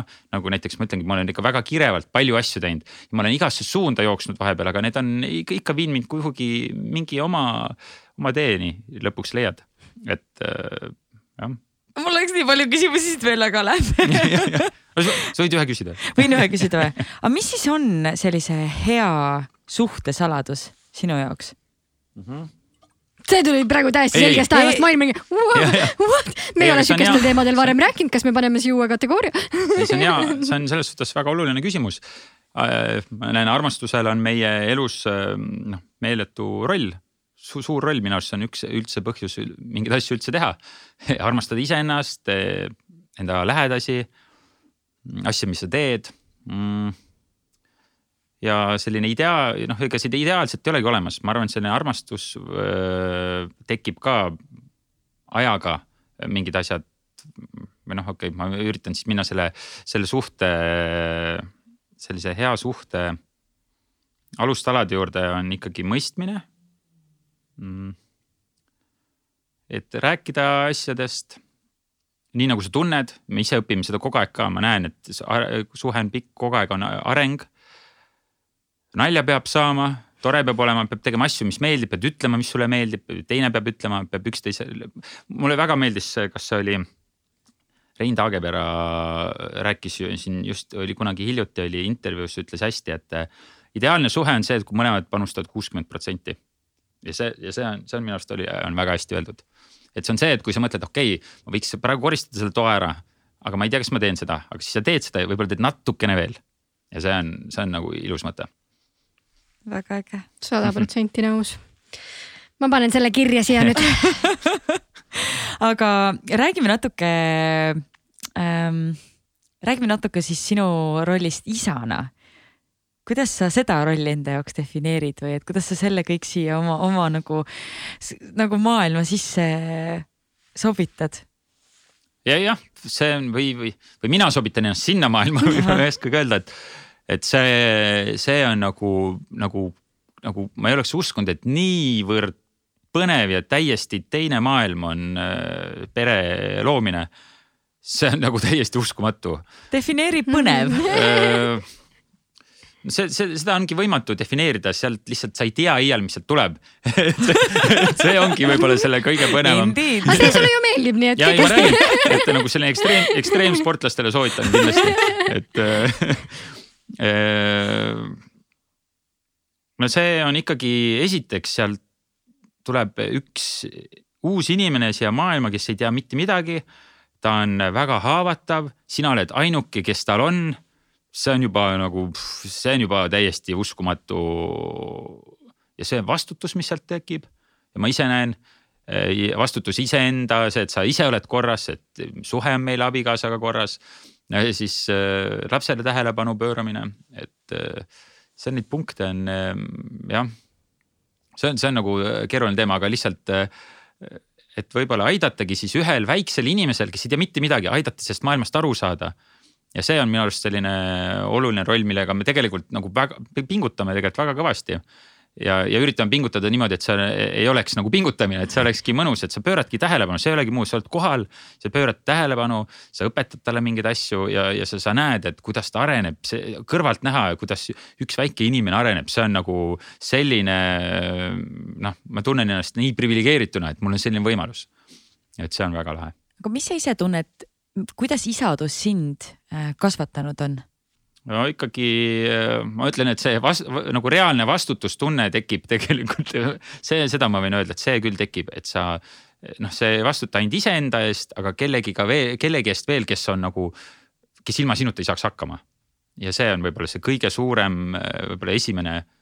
et, et, et tekib see vastutus ja sealt tekib nii palju noh, sa ju hoolid tast ja siis sa tahad teda õpetada ja siis sa tahad, et talle hästi läheks, siis sa nagu tema elata rõõme, muresid äh, äh, temaga koos, et äh,. ja, ja, muidugi lihtsalt õppinudki nagu seda nii-öelda armastust nagu kõige lihtsamal, siiramal moel. sest lastel on lihtsalt niimoodi, et see, kui nad vaatavad sulle otsa ja see on, kõik on puhas, see on nii siiras ja see on puhas energia ja see on nii lahe, kuigi vahepeal see on ka puhas raev, puhas rõõm, puhas nutt. seal on nagu niimoodi, et need kõik emotsioonid on sellised, kui ise oled nagu suudad ennast endaga hakkama saada, siis sealt tuleb nagu filtrita. ja sina oledki see, kes peab talle õpetama, näed, kuule, nii, nii ei ole okei okay.. ja siis sa teed seda iga päev ja siis sa üritad teha niimoodi, et, et sa ka ei domineeriks, sest meie jaoks on oluline, et et, et ei ole niimoodi, et meil on kodus ja ka nagu disainifirmas, et hierarhia ei ole see, et mina olen kuskil siin ja siis on kellegi teine. et alati kõik asjad toimivad nii, et see on nagu, pead olema tas, samal tasandil. ja, ja aru saama, et kui on lahkarvamus, et see peab ka okei okay olema. et see ja see on ka raske, raske, seda õpid ise ka, me Annaga oleme õppinud ka seda, et selle asemel, et et, äh, et tegelikult peab iseendaga nii palju tööd tegema lihtsalt äh, ja lask- ja, ja, ja, aru saama sellest, kui laps ei saa mingitest asjadest aru. et siis äh, üritama talle seletada, sest tema ei saa aru võib-olla sinu seletusest ja sa pead neid katsetama ja proovima ja, ja see on see, see on muidugi väga põnev ka et ja, ja keeruline põnev samaaegselt, et noh, ongi kohati on hullumajad, sul võib olla niimoodi, et lapsed magavad, kõik on jumala rahulik ja siis on korraga nagu totaalne kaos, midagi ei toimi noh. ja see ja, ja, ja sa pead olema, saama aru, et okei okay, see on fine ma olen rahulik, ma üritan sellest aru saada, see on kõige esimene asi on see ja suhte puhul ka, et ma ise olen õnnelik, ma ise saan endast aru, mul on okei okay,. partneril on okei okay,, davai, nüüd vaatame, et lastel on okei okay. et noh, see ei saa olla vastupidi, et sa nagu noh, elus ei saa olla nii, et sa nagu pliisid lihtsalt kedagi, nagu see ei jõua, see ei ole nagu noh, see ei pea vastu. et see tasakaal on oluline suhtes ka. et see, see, see on jah, et mõlemad peavad hoidma sama, samamoodi ja, ja siis natuke veel kas sa oled äh, mõelnud ka, et mis on võib-olla mingi üks kindel väärtus, mida sa oma lastele tahad edasi anda? oh, oh, oh, üks on küll päris karm. vali see kõige, kõige olulisem kõige, kõige olulisem.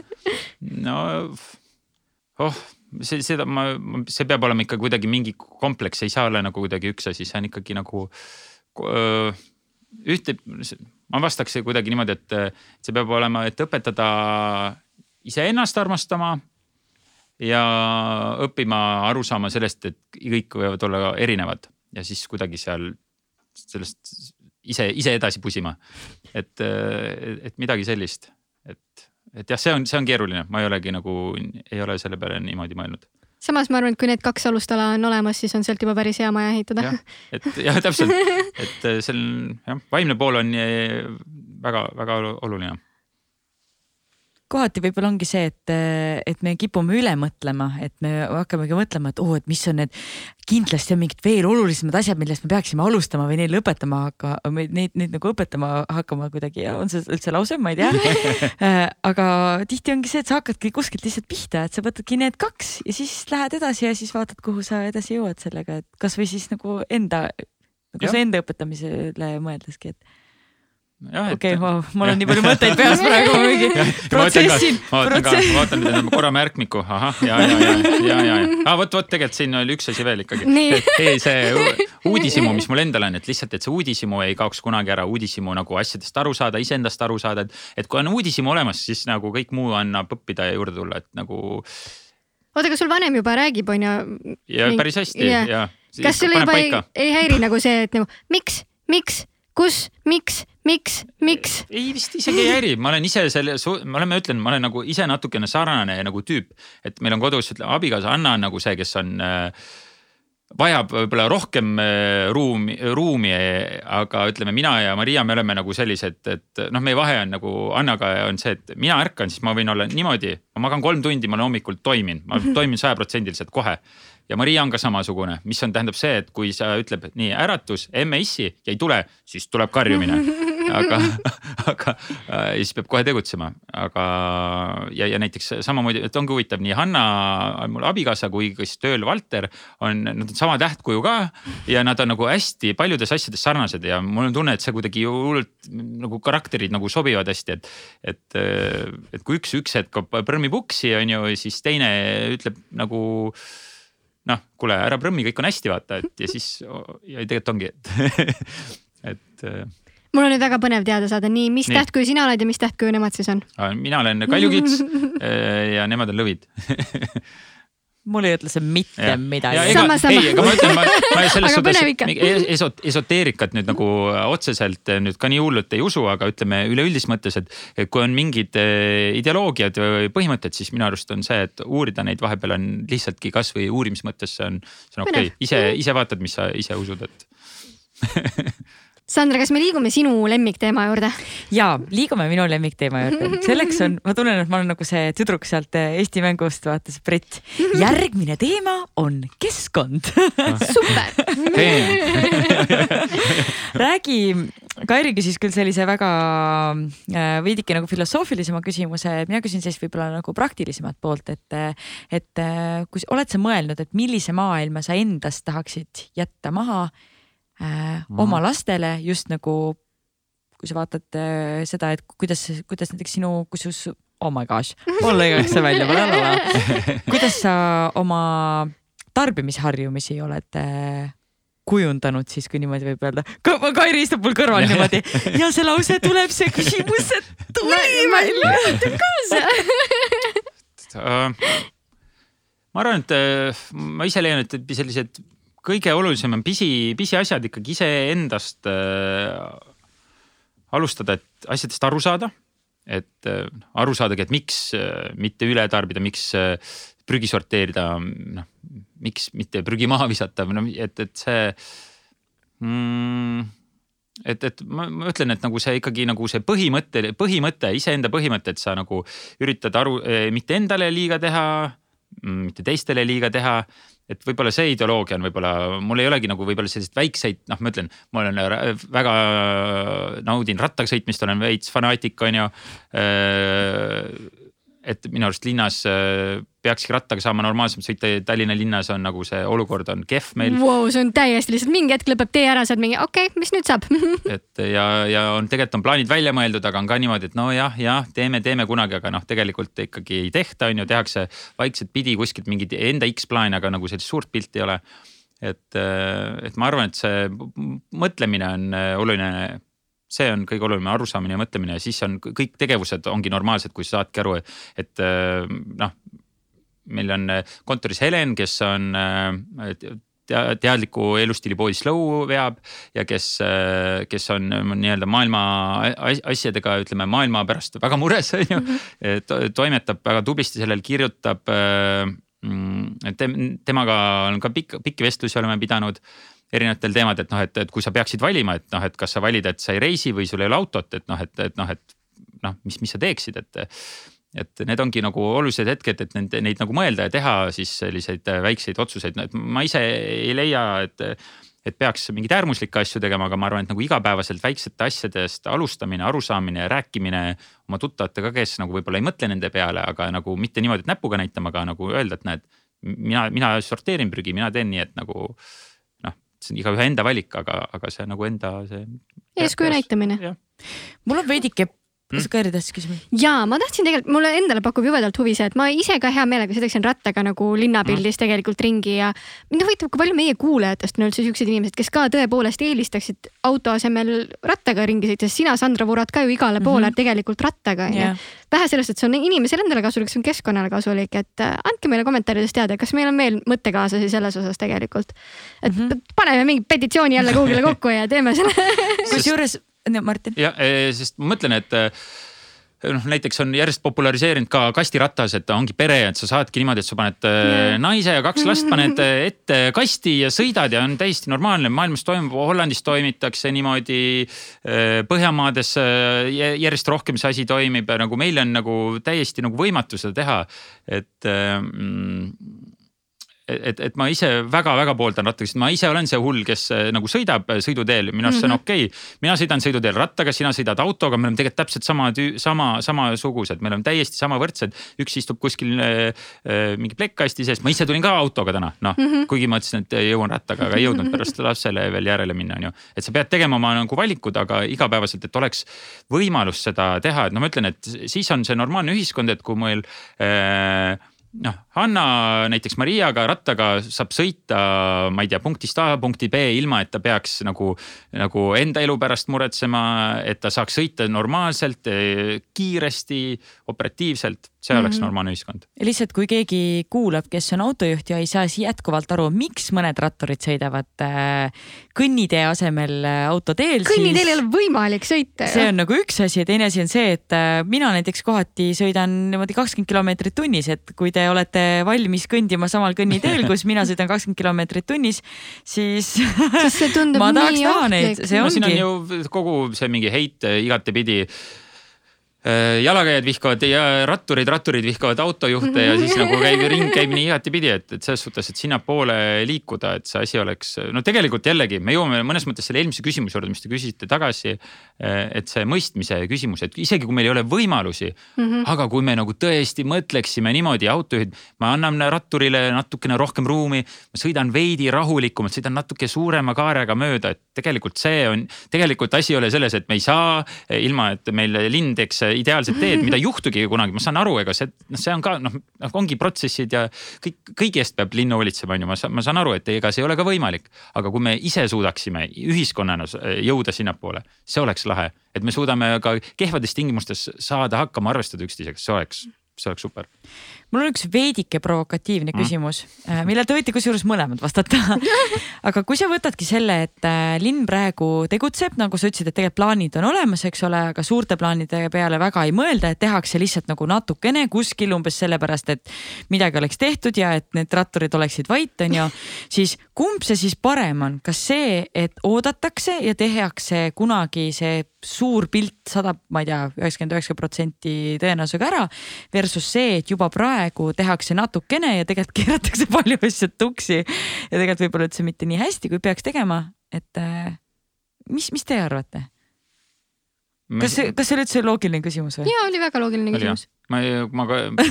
ei, ma, ma lihtsalt ise nagu mul endal nagu tegelikult on hea tunne, noh, ma sõidan ka päris palju äh, tõuksi selle mm -hmm. Boltiga näiteks onju. ja see on ka sihuke asi, millega sa ei sõida kõnniteel lihtsalt. et ma iga kord olen ikkagi rõõmus, kui ma näen kuskil seda rattamärki, et ma saan minna ikkagi sõiduteel sõita selle rattaosa peal, et ma arvan, et see on parem kui üldse mitte midagi aga samas see võib väga segadust tekitav olla just autojuhi jaoks, sellepärast et ega sa ei pane tegelikult tähele, et seal on see rattamärk maas ja et seal on mingi rattatee on ju. sest see on ju absurdsetes kohtades, siin on reaalselt äh, Veerenni tänaval on mingi väike lõik näiteks mm, -hmm. mis on nagu ja siis järsku kaob ära Mhm.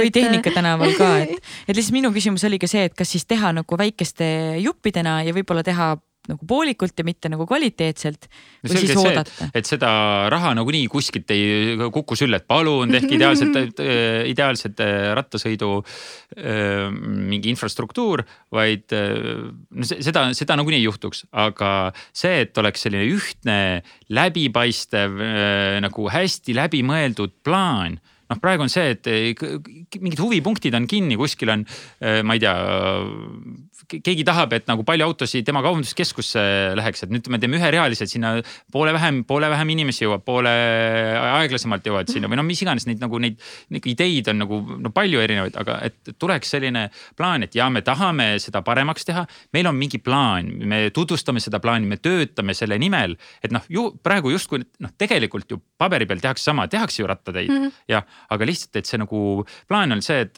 kas me siis, kuidas me neid märgime, kas, et me saaks igal pool ühtemoodi aru mm, -hmm. et saaks jalakäija aru, et saaks autojuht aru, et saaks rattur aru, tegelikult on lihtsalt nagu tähtis see, et me kõik suudaks eksisteerida samaaegselt. ja ei olegi see, et nüüd keegi peab olema kõige parem, minu arust on ka see jabur, et miks autojuht seal kõige, tema on kõige olulisem, kõik on mm -hmm. olulised, samamoodi et noh, see on sama, kuidas see, see mm, lapsevankriga sul ei ole, on äärekivid, mingid asjad, sul on ka sellised asjad on lahendamata, et. et noh, et ma, ma ei ole nagu see, et nüüd ainult ei, jalgratas, oh my god on ju, aga, aga lihtsalt, et see, kuidas, kuidas me jõuaks sinna, et. et meil on nagu kõigil hästi, me saame nagu aru, ma saan aru, et see, et ma sõidan autoga, mul on privileeg, ma jõuan kiiremini. ma kasutan seda suurt teed, okei okay,, kuidas nüüd saaks keegi veel seda kasutada, et, et ka temal oleks hea nagu see üksteise mõistmise küsimus on ja lihtsalt seda võiks olla kuidagi rohkem, et miks peab olema niimoodi, et me peame nüüd mässama, minema kuskil linnavalitsuse ette, peame ütlema, et Jah. keegi on loll, kuidas, kuidas on ikkagi nii, et me kuidagi ei saa aru, et kuulge, okei okay,, me tahame nüüd saada, tahame asja paremaks teha. ma arvan, et äh, siinkohal oleks hea, kui ametnikud ise võib-olla veedaksid päevaratta seljas ja No sõidaksid, et saaksid aru lihtsalt, sest te võib-olla ei saa aru lihtsalt, sa ei saa aru, milles probleem on, kui sa ise ei kuigi, kasuta seda kuigi ma, transpordivahendit. nagu ise leian, et nagu ikkagi hea, nagu kõige parem viis asju muuta on niimoodi, et see peab ikkagi olema selline läbi mingi positiivse kogemuse ja ikkagi minu arust see on ikkagi see, et see saab ikkagi läbi selle, et mina sõidan rattaga, siis ma pean eh, suutma enda abikaasale selgeks teha, kuidas teed pidi tema saaks sõita, et tema saaks julgeks sõita ja noh, mis iganes, see peab kuidagi, meil endal on ju vastutus ka, me ei saa öelda, et kuulge, tehke mm. -hmm. Et me peame ise seda kuidagi pidi alustama, peame ise tegema, alustama mingeid asju. näiteks eh, Tour de rattasõidud, millega ma olen ka pundis kuttidega olnud aastaid, on ka see, et alguses oligi mingi väike ringkond hakkas sõitma, tahame ratastega sõita, teeme, sõidame sõiduteede peal, noh. lõpuks oli siin, meil on siin kaks pool tuhat, kolm tuhat inimest sõidavad, noh mm. Mhm. mega lahe on. autojuhid on küll vihased, aga ratturid on korra, neil on, nemad on selles rollis, kus on muidu autojuht. Yeah. väga no huvitav, teistmoodi, et selles suhtes on nagu, peab ikkagi iseendast äh, alustama, see on, seal ei ole varianti no sina oled ikkagi väga palju iseendast alustanud ja ma arvan, väga paljusid inimesi inspireerinud liikuma just läbi oma Ironmani teekonna. võib-olla, ma loodan, ma loodan küll, et, et see on kaasa aidanud, eks see on mul endal ka väga põnev väljakutse olnud, seda ma olen kunagi tahtnud teha, et ja nüüd on see tehtud nii poolik kui täispikk, et noh. räägi sellest, kui nüüd esimest korda mõtlesid, et sa lähed teed selle pooliku, et mis sind siis nagu ajendas seda tegema? Ohoh, ma pean nüüd tagasi kerima niimoodi, see nüüd nüüd täispika aastani, kuidas, kuidas, kuidas nüüd, kuidas nüüd see tegi, kuidas nüüd kuidas see Otepää nüüd oli? ja kuidas see nüüd see Otepää oli? mm, see nohu, vaata see. ei, ei, ei mitte, ei, ei olnud üldse lugu. Otepää on eriti lahe, eriti lahe rada ja eriti raske ja põnev. Hästi ilus loodus ja täiesti me- mega, mega lahe oli see Otepää. aga kuidas, ma nüüd üritan mõelda, et mis kuidas see ajend oli, tegelikult see ajend oli mitmest asjast, noh esiteks mul on väljakutsed on äh, alati meeldinud. ma teen mingeid väljakutseid kasvõi iseenda jaoks, noh näiteks see aasta mul on üks väljakutse, et ma pean äh, pooltel päevadel aastast äh, trenni tegema, liigutama ja noh, ütleme kogu aeg meeldib mingit sellist väljakutset vastu võtta ja, ja kui on mingi pikk plaan, siis äh, oli vist, kas see oli eelmise aasta jaanuar või mingi hetk oli see, et mul tuli kehakaalul tuli üheksakümmend ette, siis mõtlesin, vau, eluaeg liigutanud, et mis toimub. noh, no risa, mingi äh, noh, kuidagi istuv ja, ja täpselt istuv töö. ma olen meeletu magusasööja äh,, luban endale, kui tahan äh,, meeldib käsitöölu, noh, kõmm, kõmm, kõmm, carbs, carbs, carbs, carbs everywhere. et äh, ja siis äh,, ja siis see kuidagi tegelikult see nagu põhi äh, algus isegi oli nii, et äh, olin pulmas äh, sõbranna ja Anna kursade Anna pulmas ja samasse lauda Ain-Alar Johansoniga sattusime kõrvuti istuma ja ma teda veidikene teadsime, teretasime ka. ja siis ja siis hakkasime, hakkasime rääkima ja siis ma muidugi rääkisin enda mõtteid ja too ma olen kunagi mõelnud ja siis ta ütles, no okei okay,, no panen ei, kirja. ikka ei puhka, sa isegi pulmas. et see siis oli ja siis oli, siis ma mõtlesin ja siis uue, see aasta alguses siis, eelmise aasta alguses siis äh, läks, läks lahti, sain treeningplaani ja hakkasin, hakkasin tegema. jah, väga, ma ei tea, küsige siis. mis tunne oli see esimene kord, kui sa selle treeningplaani kätte said ja said aru, kui palju sa reaalselt trenni pead tegema? ei, mul oli hea tunne selles suhtes, mulle äh, selline rutiin ja mingi selline asi meeldib. mulle meeldib, et mul toimub palju, mulle mm. meeldib, alati on meeldinud ja see paneb paika mingid piirid, et kui ma muidu saan enda pla- päevaplaani kuidas iganes teha, siis ma tean, ahaa, näed, enne üheksat mul peab olema trenn tehtud, siis läheb laps lasteaeda, siis ma teen tööd. nii, mis päeval, kuidas ma teen, siis nagu kogu asi sünkida ära, et see, see oli juba päris, äh, paras väljakutse. ja mulle meeldis, algus oli võib-olla esimesed algus oli raske, sest ma ei ole ujumisega nagu üldse tegelenud, see ujumine oli kohutav, see oli no kuu aega oli lihtsalt nagu õudne. tegelikult siiamaani ujumisega, ma olen saanud selle sõbraks, et ma olen saanud temaga hakkama, aga see algus oli lihtsalt nagu košmaar. ma tegin ühe otsa, ma ei tahtnud, see oli nagu, see tundus nii vastumeelne. Aga see, see on ka nagu huvitav hetk, mis mulle nagu meeldib enda juures, et kui on mingi asi vastumeelne, et siis on see, et, et sa pead sellest aru saama, pead aru saama, okei, mis see vastumeelne, mis asi see on. siis pead jälle endaga tööd tegema, mõtlema, proovima, uurima, ma ei tea, vaatama mingit äh, videosid, rääkima inimestega tõk-tõk-tõk kuidagi asjad tööle panema, et sa saaks sellest aru, sest tegelikult ongi alati on raske ja keeruline siis, et sa ei saa asjadest aru, asjadest aru saad, siis on kõik lihtne, see on nagu disaingi, et, et on keeruline sasipundar, teeme selle nagu selgeks, kõik jumala hea. Tegelikult ongi hea, aga lihtsalt pead nagu leidma need jupid üles. et siis ma hakkasin seda tegema mm,. esimene keeruline hetk, kusjuures oli peale selle ujumise, siis on teine keeruline hetk on ju. teine keeruline hetk oli see, et kui peale nelja nädalat on iga nelja nädala tagant üks selline nagu kergem nädal.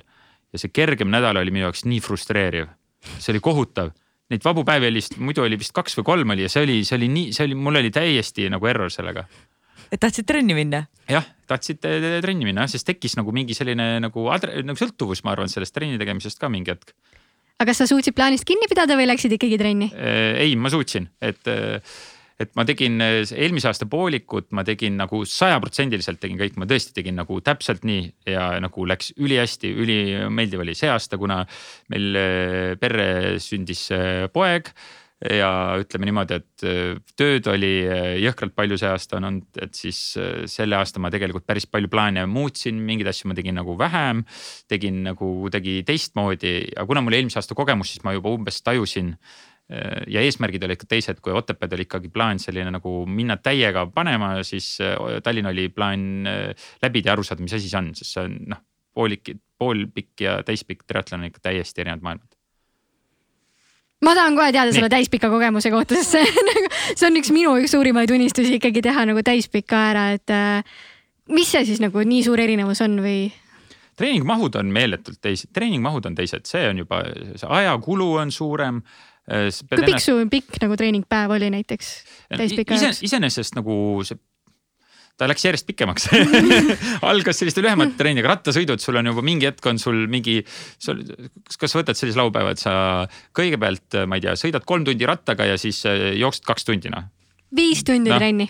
noh, kõmm, midagi, see oli muidugi lõpu, lõpupoole mm, -hmm. et äh, mm, no see aasta oli eriti keeruline ikkagi see, et äh, seda ju võistlust lükati edasi tänu ja ei teadnud üldse, kas toimub, et sa oled neli-viis kuud teinud plaani, sa ei tea mitte midagi, noh, seesama selle aasta, see aasta on lihtsalt see kaks tuhat kakskümmend on nii jabur aasta olnud. et see on nagu vaimselt on väga raske on lihtsalt ennast nagu leida motivatsiooni. no ainuke asi oli see, et, et üldse midagi teha, et siis õnneks ise üksi trenni, triatlitrenni oli ideaalne teha e,.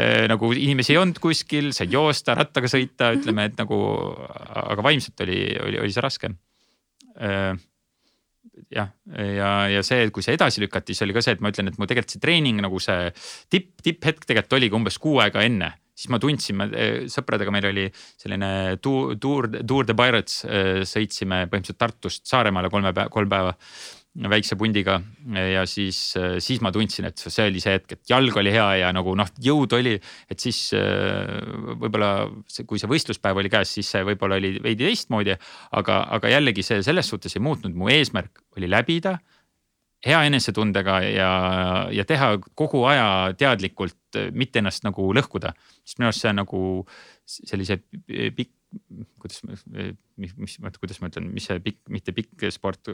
kestvussport. kestvussport jah, et selline kestvusspordi juures on oluline see, et sa ei, ei lõhuks ennast. no sul tuli ikka päris hea aeg ka ikkagi. aa, mis aeg tuli, ma isegi ei ole. Hea küsimus, see oli üksteist kolmkümmend viis. päris tempokalt. sest et mina, ma ikka vaata äpis saab Ja, ja, kaasa elada vaata inimestele ja ma olin just saanud endale uue äh, iWatchi ehk siis kõik need notification'id tulid mulle jaa. kella peale. mul Katrin oma tuli ka, siis ma olin ka mingi mul oli Katrin ja siis Martin, vaatasin Martin has crossed the blablabla bla, bla. ma olin mingi jee Martin, läksin vahepeal kontorisse, vaatasin Martin has finished his, ma ei tea, mingi blablabla, jee. et see on nii äge veel nagu kaasa elada ka. kusjuures et- kaasa elada on tõesti äge, see oli ka Mhm. tegelikult üks hetk, kui ma peale eelmise aasta seda poolpika triatloni, millest jäi, tegelikult ma seda poolpika triatlonit täiega soovitan. see emotsioon Kõige parem on asi mega üldse., sa paned endast kõik välja ja see, see on see ja, ja see, see, ja see emotsioon tuleb sellest, et sa oled tegelikult teinud pikalt trenni ja see on tegelikult pai sulle selle eest, et sa oled tubli olnud, see pikal, see, et see lõpuks on see võistluspäev on lihtsalt nagu you do it see on pidupäev. see on pidupäev jah, aga kõik see enne. ja kui ma eelmine aasta oligi noh, see, kaasaelamine tõesti on sellel triatlonil on nii äge, sa saad nii pikalt teha. mäletan eelmine, eelmine aasta niimoodi vist, kui ma ei eksi, et hommikul me olime Tartus, Tartus ärka-, vaatasin starti telekast siis toimetasin Tartus, sõitsime rongiga, rongiga vist tulin veel Tallinnasse, rongis vaatasin, mis toimub, läksin koju, sõin ja siis mõtlesin, aa, et, et ma olen, elan kaasa veel ka selline päev lihtsalt päev otsa toimub. et Raivole elasin kaasa, et kui ta eelmine aasta Tallinnas täispikka tegi. et see oli, see oli lahe, et üldse kaasa elada on äge ja need teised äh, triatleedid ka, kes, kes nagu treenivad ja koos teed, see on kuidagi hästi hästi toetav äh, keskkond, et vähemalt harrastussportlastele küll see on väga-väga-väga lahe punt on ja väga ägedad inimesed, et. ütleme nii, et sa pead ikkagi endaga hästi läbi saama, kui sa üksteist, kümme kuni kaksteist tundi pead noh, mingi, mingit asja tegema, iseendaga tuleb tuleb hea sõber olla. ja mitte lihtsalt ainult tegema, vaid ikkagi oleme ausad, viimase piiri peale aetuna, et jah. seal ikka tekivad endaga sellised sisemonoloog, et Jaa. millega igaüks hakkama ei saa. ja see on põnev, see, see, see, see on nagu triatl-, selle maratoni jooksmisega on ka sama. teed, oled enne teinud ka, vahet ei ole, mis äh, umbes tempo on ikka mingi hetk mõtled, miks ma siin olen. kolmekümne mingi kolmas kilomeeter, mõtled kaheksa kilomeetrit veel miks ma siia tulin, täiesti kohutav, jälle ma olen siin olnud oh,. ma tean, mis, ma tean, mis siit tuleb, siis mulle ei meeldi üldse, mis siit tuleb. siis tuled finišist üle, siis on joovastus, siis mõtled nii, kuna ma teen jälle. inimene on selles suhtes nagu us uskumatu, et ma ütlen, et see eh, noh, õpid enda kohta ikka kogu aeg aga mulle tundubki, et äh, eriti täispikad Ironmani puhul on väga palju kinni peas. et kas äh, sa ise kuidagi treenid ka seda vaimset poolt, et kuidas vastu pidada ja ennast motiveerida nagu väga rasketes olukordades? mul vist sellega selles suhtes probleemi ei ole, et mul nagu sellised utoopilised asjad on nagu alati meeldinud, et see on nagu selle saatejuhti asja ka. et sul on mingi asi, mis sa mõtled, et nagu you can't do it ja siis sa ja sa hakkad tegema lihtsalt seda ja nii ongi, hakkad lihtsalt tegema ja siis hakkab kuidagi koorub välja. et, et mul nagu iseenda selles suhtes nagu motiveerimisega sellistel asjadel nagu ei ole, et ma pean panema endale selle plaani paika, see on mul see hetk, et nüüd ma panen paika ja siis ma hakkan seda tegema.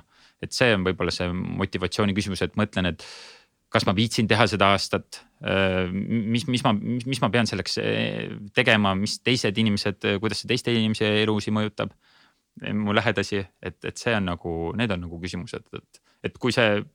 muidu mul ei ole selle motivatsiooniga väga probleeme, mulle, mulle meeldib asju teha minu arust, kui ma vaatasin su Instagrami kontot ka, scroll isin edasi-tagasi, sa kogu aeg naeratad ja sa kogu aeg tundud nii õnnelik. kas see on ainult sotsiaalmeedia või sa päriselt ka oled kogu aeg nii-öelda ei no ma kogu aeg nüüd ei ole, ma olen selles suhtes, kuna ma kas olen. sul on ka vaimselt raskemaid hetki, on minu küsimus. kogu aeg on, igapäevaselt on äh, samamoodi, et äh, minu arust see mõtlemine inimesel on ka niimoodi, et sul on nagu selline kiire ja aeglane mõtlemine, need käivad nii käsikäes.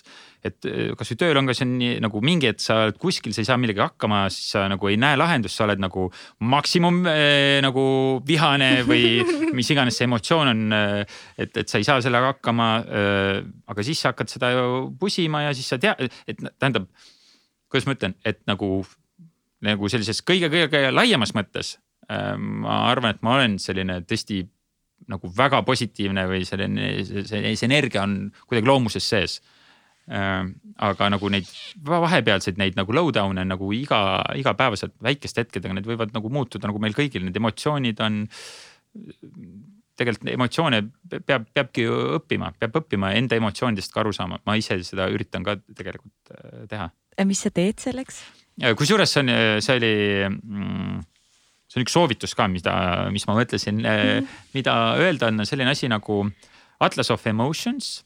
see on äh, Paul Ekman, kui ma ei eksi, psühholoog, kes siis on veebisait äh, atlasofemotions.org ja siis äh, see on nagu, et inim-, see on lihtsalt üks emotsioonide kõikvõimalikest erinevatest nagu äh, mingitest protsessidest või ähm,.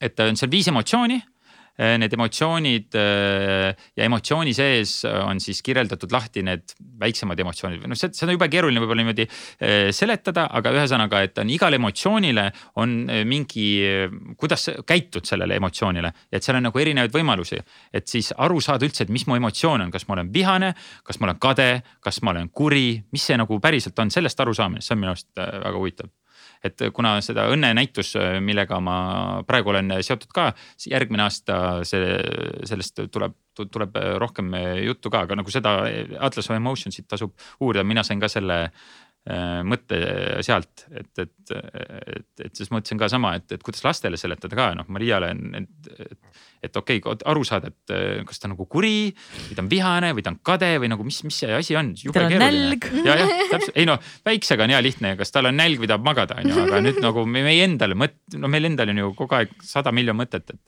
ühesõnaga su jutu juurde tagasi tulles, siis äh, ja ma olen ka kurb, äh, pahane, vihane, kõik need emotsioonid on loomulikult esindatud ja kogu aeg käivad samamoodi nagu kõikidel, kõikidel teil samamoodi mm. -hmm aga, aga üleüldises mõttes mul on see mingi drive, selline positiivne drive on, on hästi, ma olen õnnelik, et mul on see loomupoolne, et äh, aga kui on low down, siis noh, Hanna teab väga hästi, et noh, et, et noh et Martin motivatsioon käib see, et ta on laes ja kui on nagu madal, siis see on nagu, siis see on nagu noh kõige madalam üldse nagu.... see on minu arust mingi loomeinimeste nagu teema, et ikka äärmusest äärmusesse, et seal no. vahepeal on igav nagu.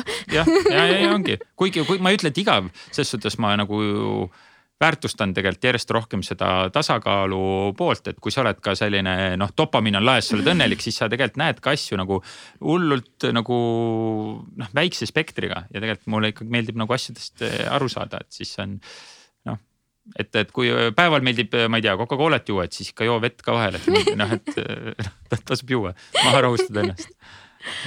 Sandra, teeme nii, et me võtame siia kaks trenni küsimust, enne kui me läheme fänniküsimuste juurde. okei okay sa, ma tegelikult juba tahtsin enne seda küsida, et äh, siis, kui sa hakkasid Ironmani tegema, siis tegelikult su progress oli päris äh, kiire.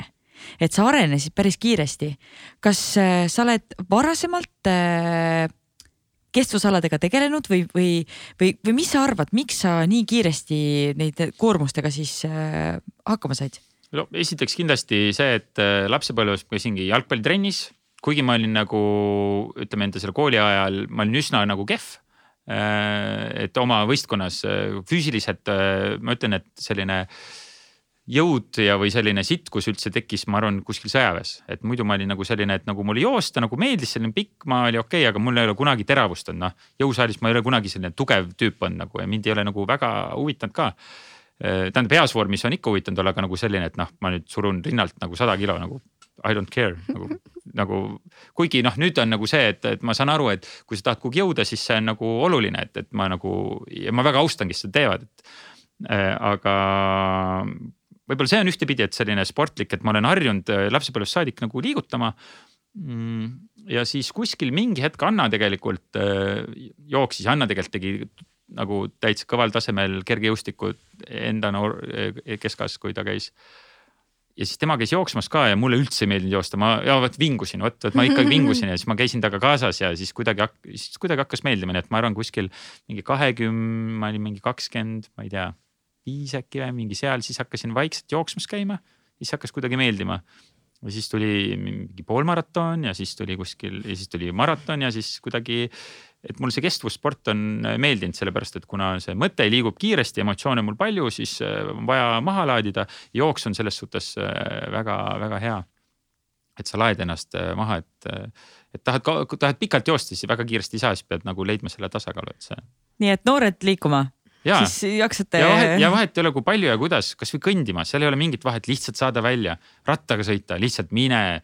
noh, paha tuju on lihtsalt mine välja, kõnni, jookse, sõida rattaga, mida iganes, just go out. ja mitte go. tegelikult ainult noored, vaid vanad ka, kunagi ei ole hilja alustada. ei no kui sul on. jalutamine sobib kõigile. jah, kui sul on eh, paha tuju, siis on nagu kõige parem asi, mine lihtsalt liiguta kuskil vaata. täiesti nõustun, sada protsenti. järele proovitud, Kairi garantii. ja, ja, ja alati toimib, sada protsenti, see on teleshop. Et, et ma arvan, et see oli ikkagi eelduseks, et ma olin, et ma olin ikkagi teinud, et ma olin ikkagi jooksnud, ma, ma kujutasin ette, mida maraton endast äh, kujutab. kujut-, kujut-, jah, mis, mis ta on aga mina küsin ka ühe trenniteemalise küsimuse, meil on siin terve hunnik neid küll, aga ma küsin sellel teemal, et sa enne ka mainisid, et sul meeldivad väljakutsed ja sa oled võtnud neid päris palju, et aga mis on kõige hullumeelsem väljakutse olnud, mida sa oled teinud oh.? rasked valikud, rasked valikud. väga-väga raske uh, tagantjärgi mõeldes see televisiooni see pakkumine vastuvõtt oli, see oli päris. see oli, päris hull, aga ja, ja aga, aga ma sportlikus mõttes ma olen muidugi see, et ma vist. mulle meeldivad kuna mulle pikaajalised plaanid meeldivad, siis ma kuidagi. no ma ei, Ironmani väljakutsed on on ka, no ma ei tea jah, ma arvan, et seda, see veel on ees, kusjuures ma arvan mm., mingi selline asi on veel ees, sest mul on praegu ikkagi see. et, ma... siis Hawaii Ironman jah see tunduks hull, ma olen tegelikult mõelnud äh, see noh, jällegi, mida mõtlevad ja kuidas peaks äh, vaimselt valmis olema, kes need ultramaratoni äh, teevad. seda ma olen mõelnud, kui kaugele võib minna, näiteks see oli lahe, et kui Joel Juht tegi seda, jooksis äh, sinna Tartu, Tallinnast yeah. Võrru, noh midagi sellist. et need on ka asjad, mis mind nagu paeluvad, et kuidas vaimselt ennast mingite piirideni viia. et äh, kiiruses ei ole üldse nagu küsimus äh,, minu arust on just see vaimselt, kui kaugele ma suudan ennast vaimselt viia, see on minu jaoks see väljakutse ja see on igapäevane väljakutse ka, nii et, et ma vist vastaks, vastaks nii, et see on, see on jah loodan, et Red Bull kuulis, et järgmine Võrru jooksja on meil olemas siin või Riiga või Vilniusesse, you never know. no hetkel vist ei harrasta sinna suunda ega kuhugile mujale suunda kui Eesti piirides, aga jah. Sain, sa võid ja. fänni küsimusi tulistada meile siia ja. lõppu.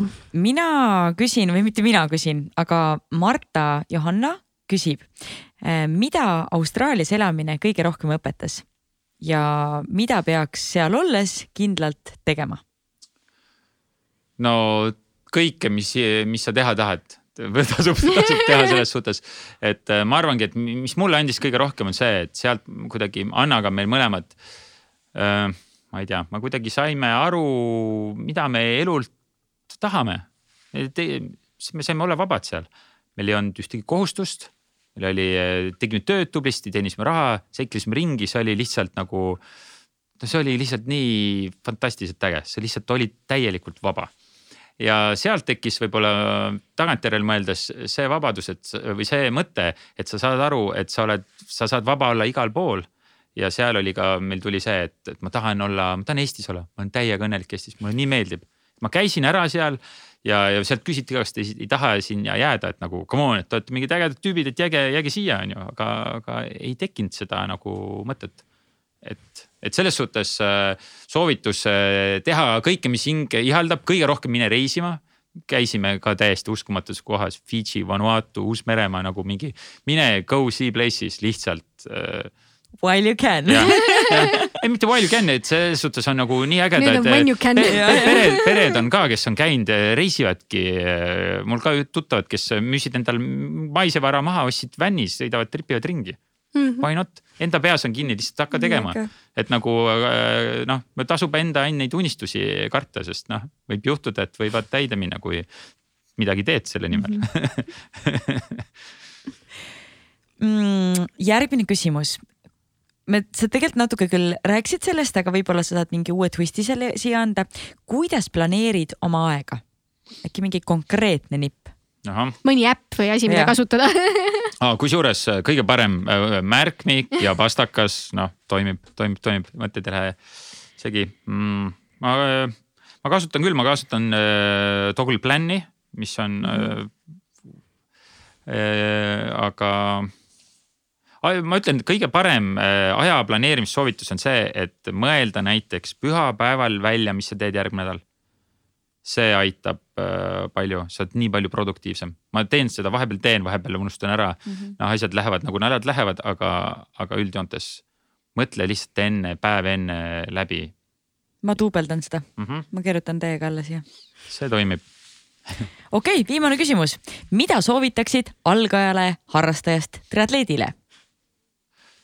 Igapäevaselt trenni teha jälgida treeningplaani, olla õnnelik äh, siin on tegelikult äh, lisaküsimus, et kas liituda triatloni klubiga? täiega soovitan, kusjuures ma ise ei ole teinud ja ma olen siiamaani olnud see tüüp, kes äh, see, see paljuski on selle üle, ma olen selline isepäine, mulle meeldib teha asju omamoodi. mis tähendab ka seda, et äh, ma, mul tuleb tunne trenni minna, siis ma sü- sünkan abikaasaga läbi ja lähen, et äh, et see on kõige kiirem moodus, aga ma, üks asi, mis ma olen ka nagu mõelnud, et, et kui ma teeksin näiteks ühe aasta kaasa mõnes jooksuklubis et vaadata, kui palju, mis ma maratoni aja jooksul suudaks teha, seda ma olen tegelikult küll mõelnud, et see on mul veel tegemata, nii et.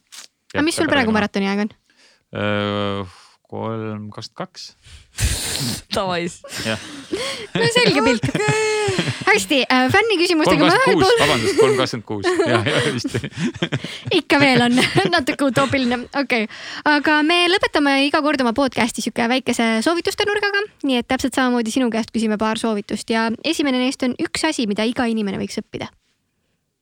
ma arvan, olla uudishimulik äh, äh, võib-olla rohkemate asjade üle, kui sul, mille vastu sul huvi on.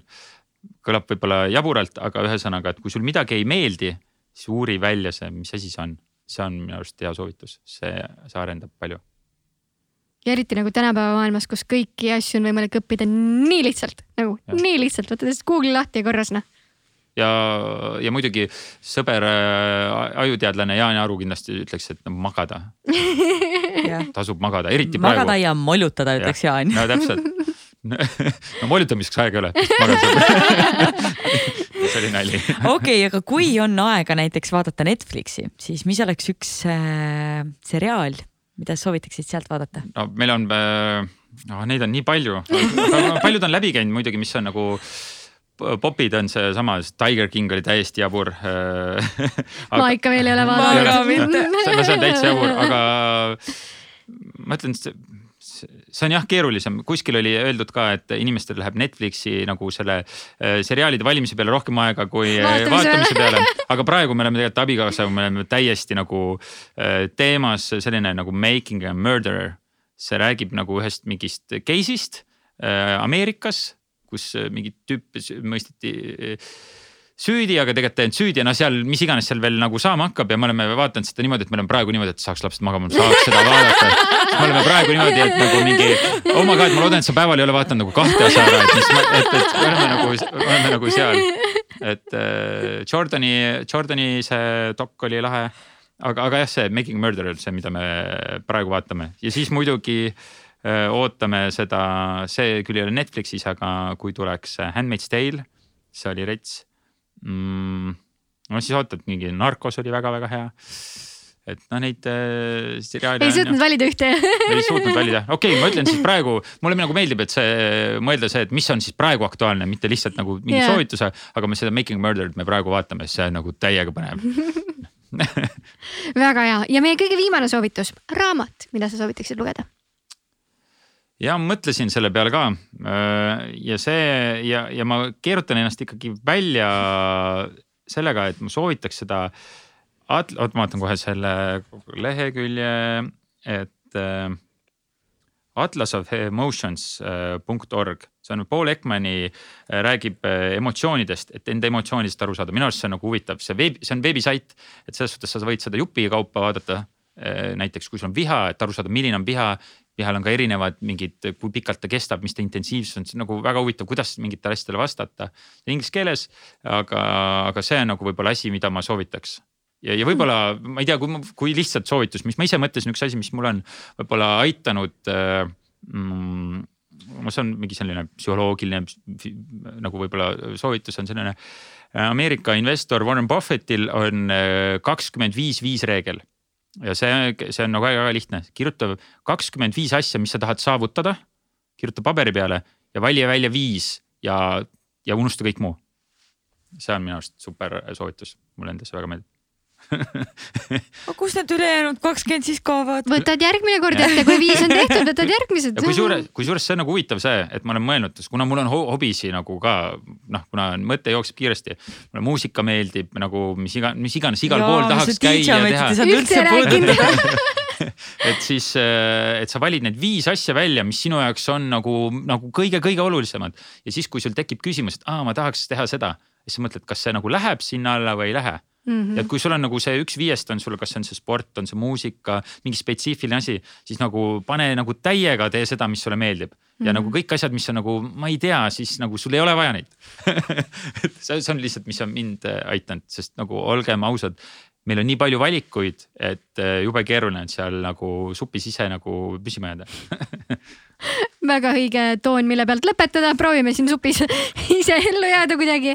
aitäh, Martin, et sa meile külla tulid suur,. suur-suur aitäh, väga põnev oli sinuga jutustada. ja aitäh, et kutsusite, väga lahe oli ja aitäh vaatajad, olite taas kord meiega ja kui äh, Youtube'is vaatad, siis viska pöial püsti ja kui oled kuskil mujal, siis viska mingi review või mingi täheke või mis iganes seal teha saab. ja, ja alati sa võite, saate ka meile kirjutada ja tagasisidet anda, ma olen, me oleme alati väga-väga tänulikud neile, kes, kes viitsivad seda teha, sest ja. et. Äh, ja teid on nii palju armsaid. ja, et küll me oleme kutsunud siia külalisi tänu sellele, et te olete kedagi soovitanud või et teinud saadet pikemaks kuna on soovitud. nii et äh, aitäh teile ka ja järgmise korrani. tšau. tšau. Sportland, Be First podcast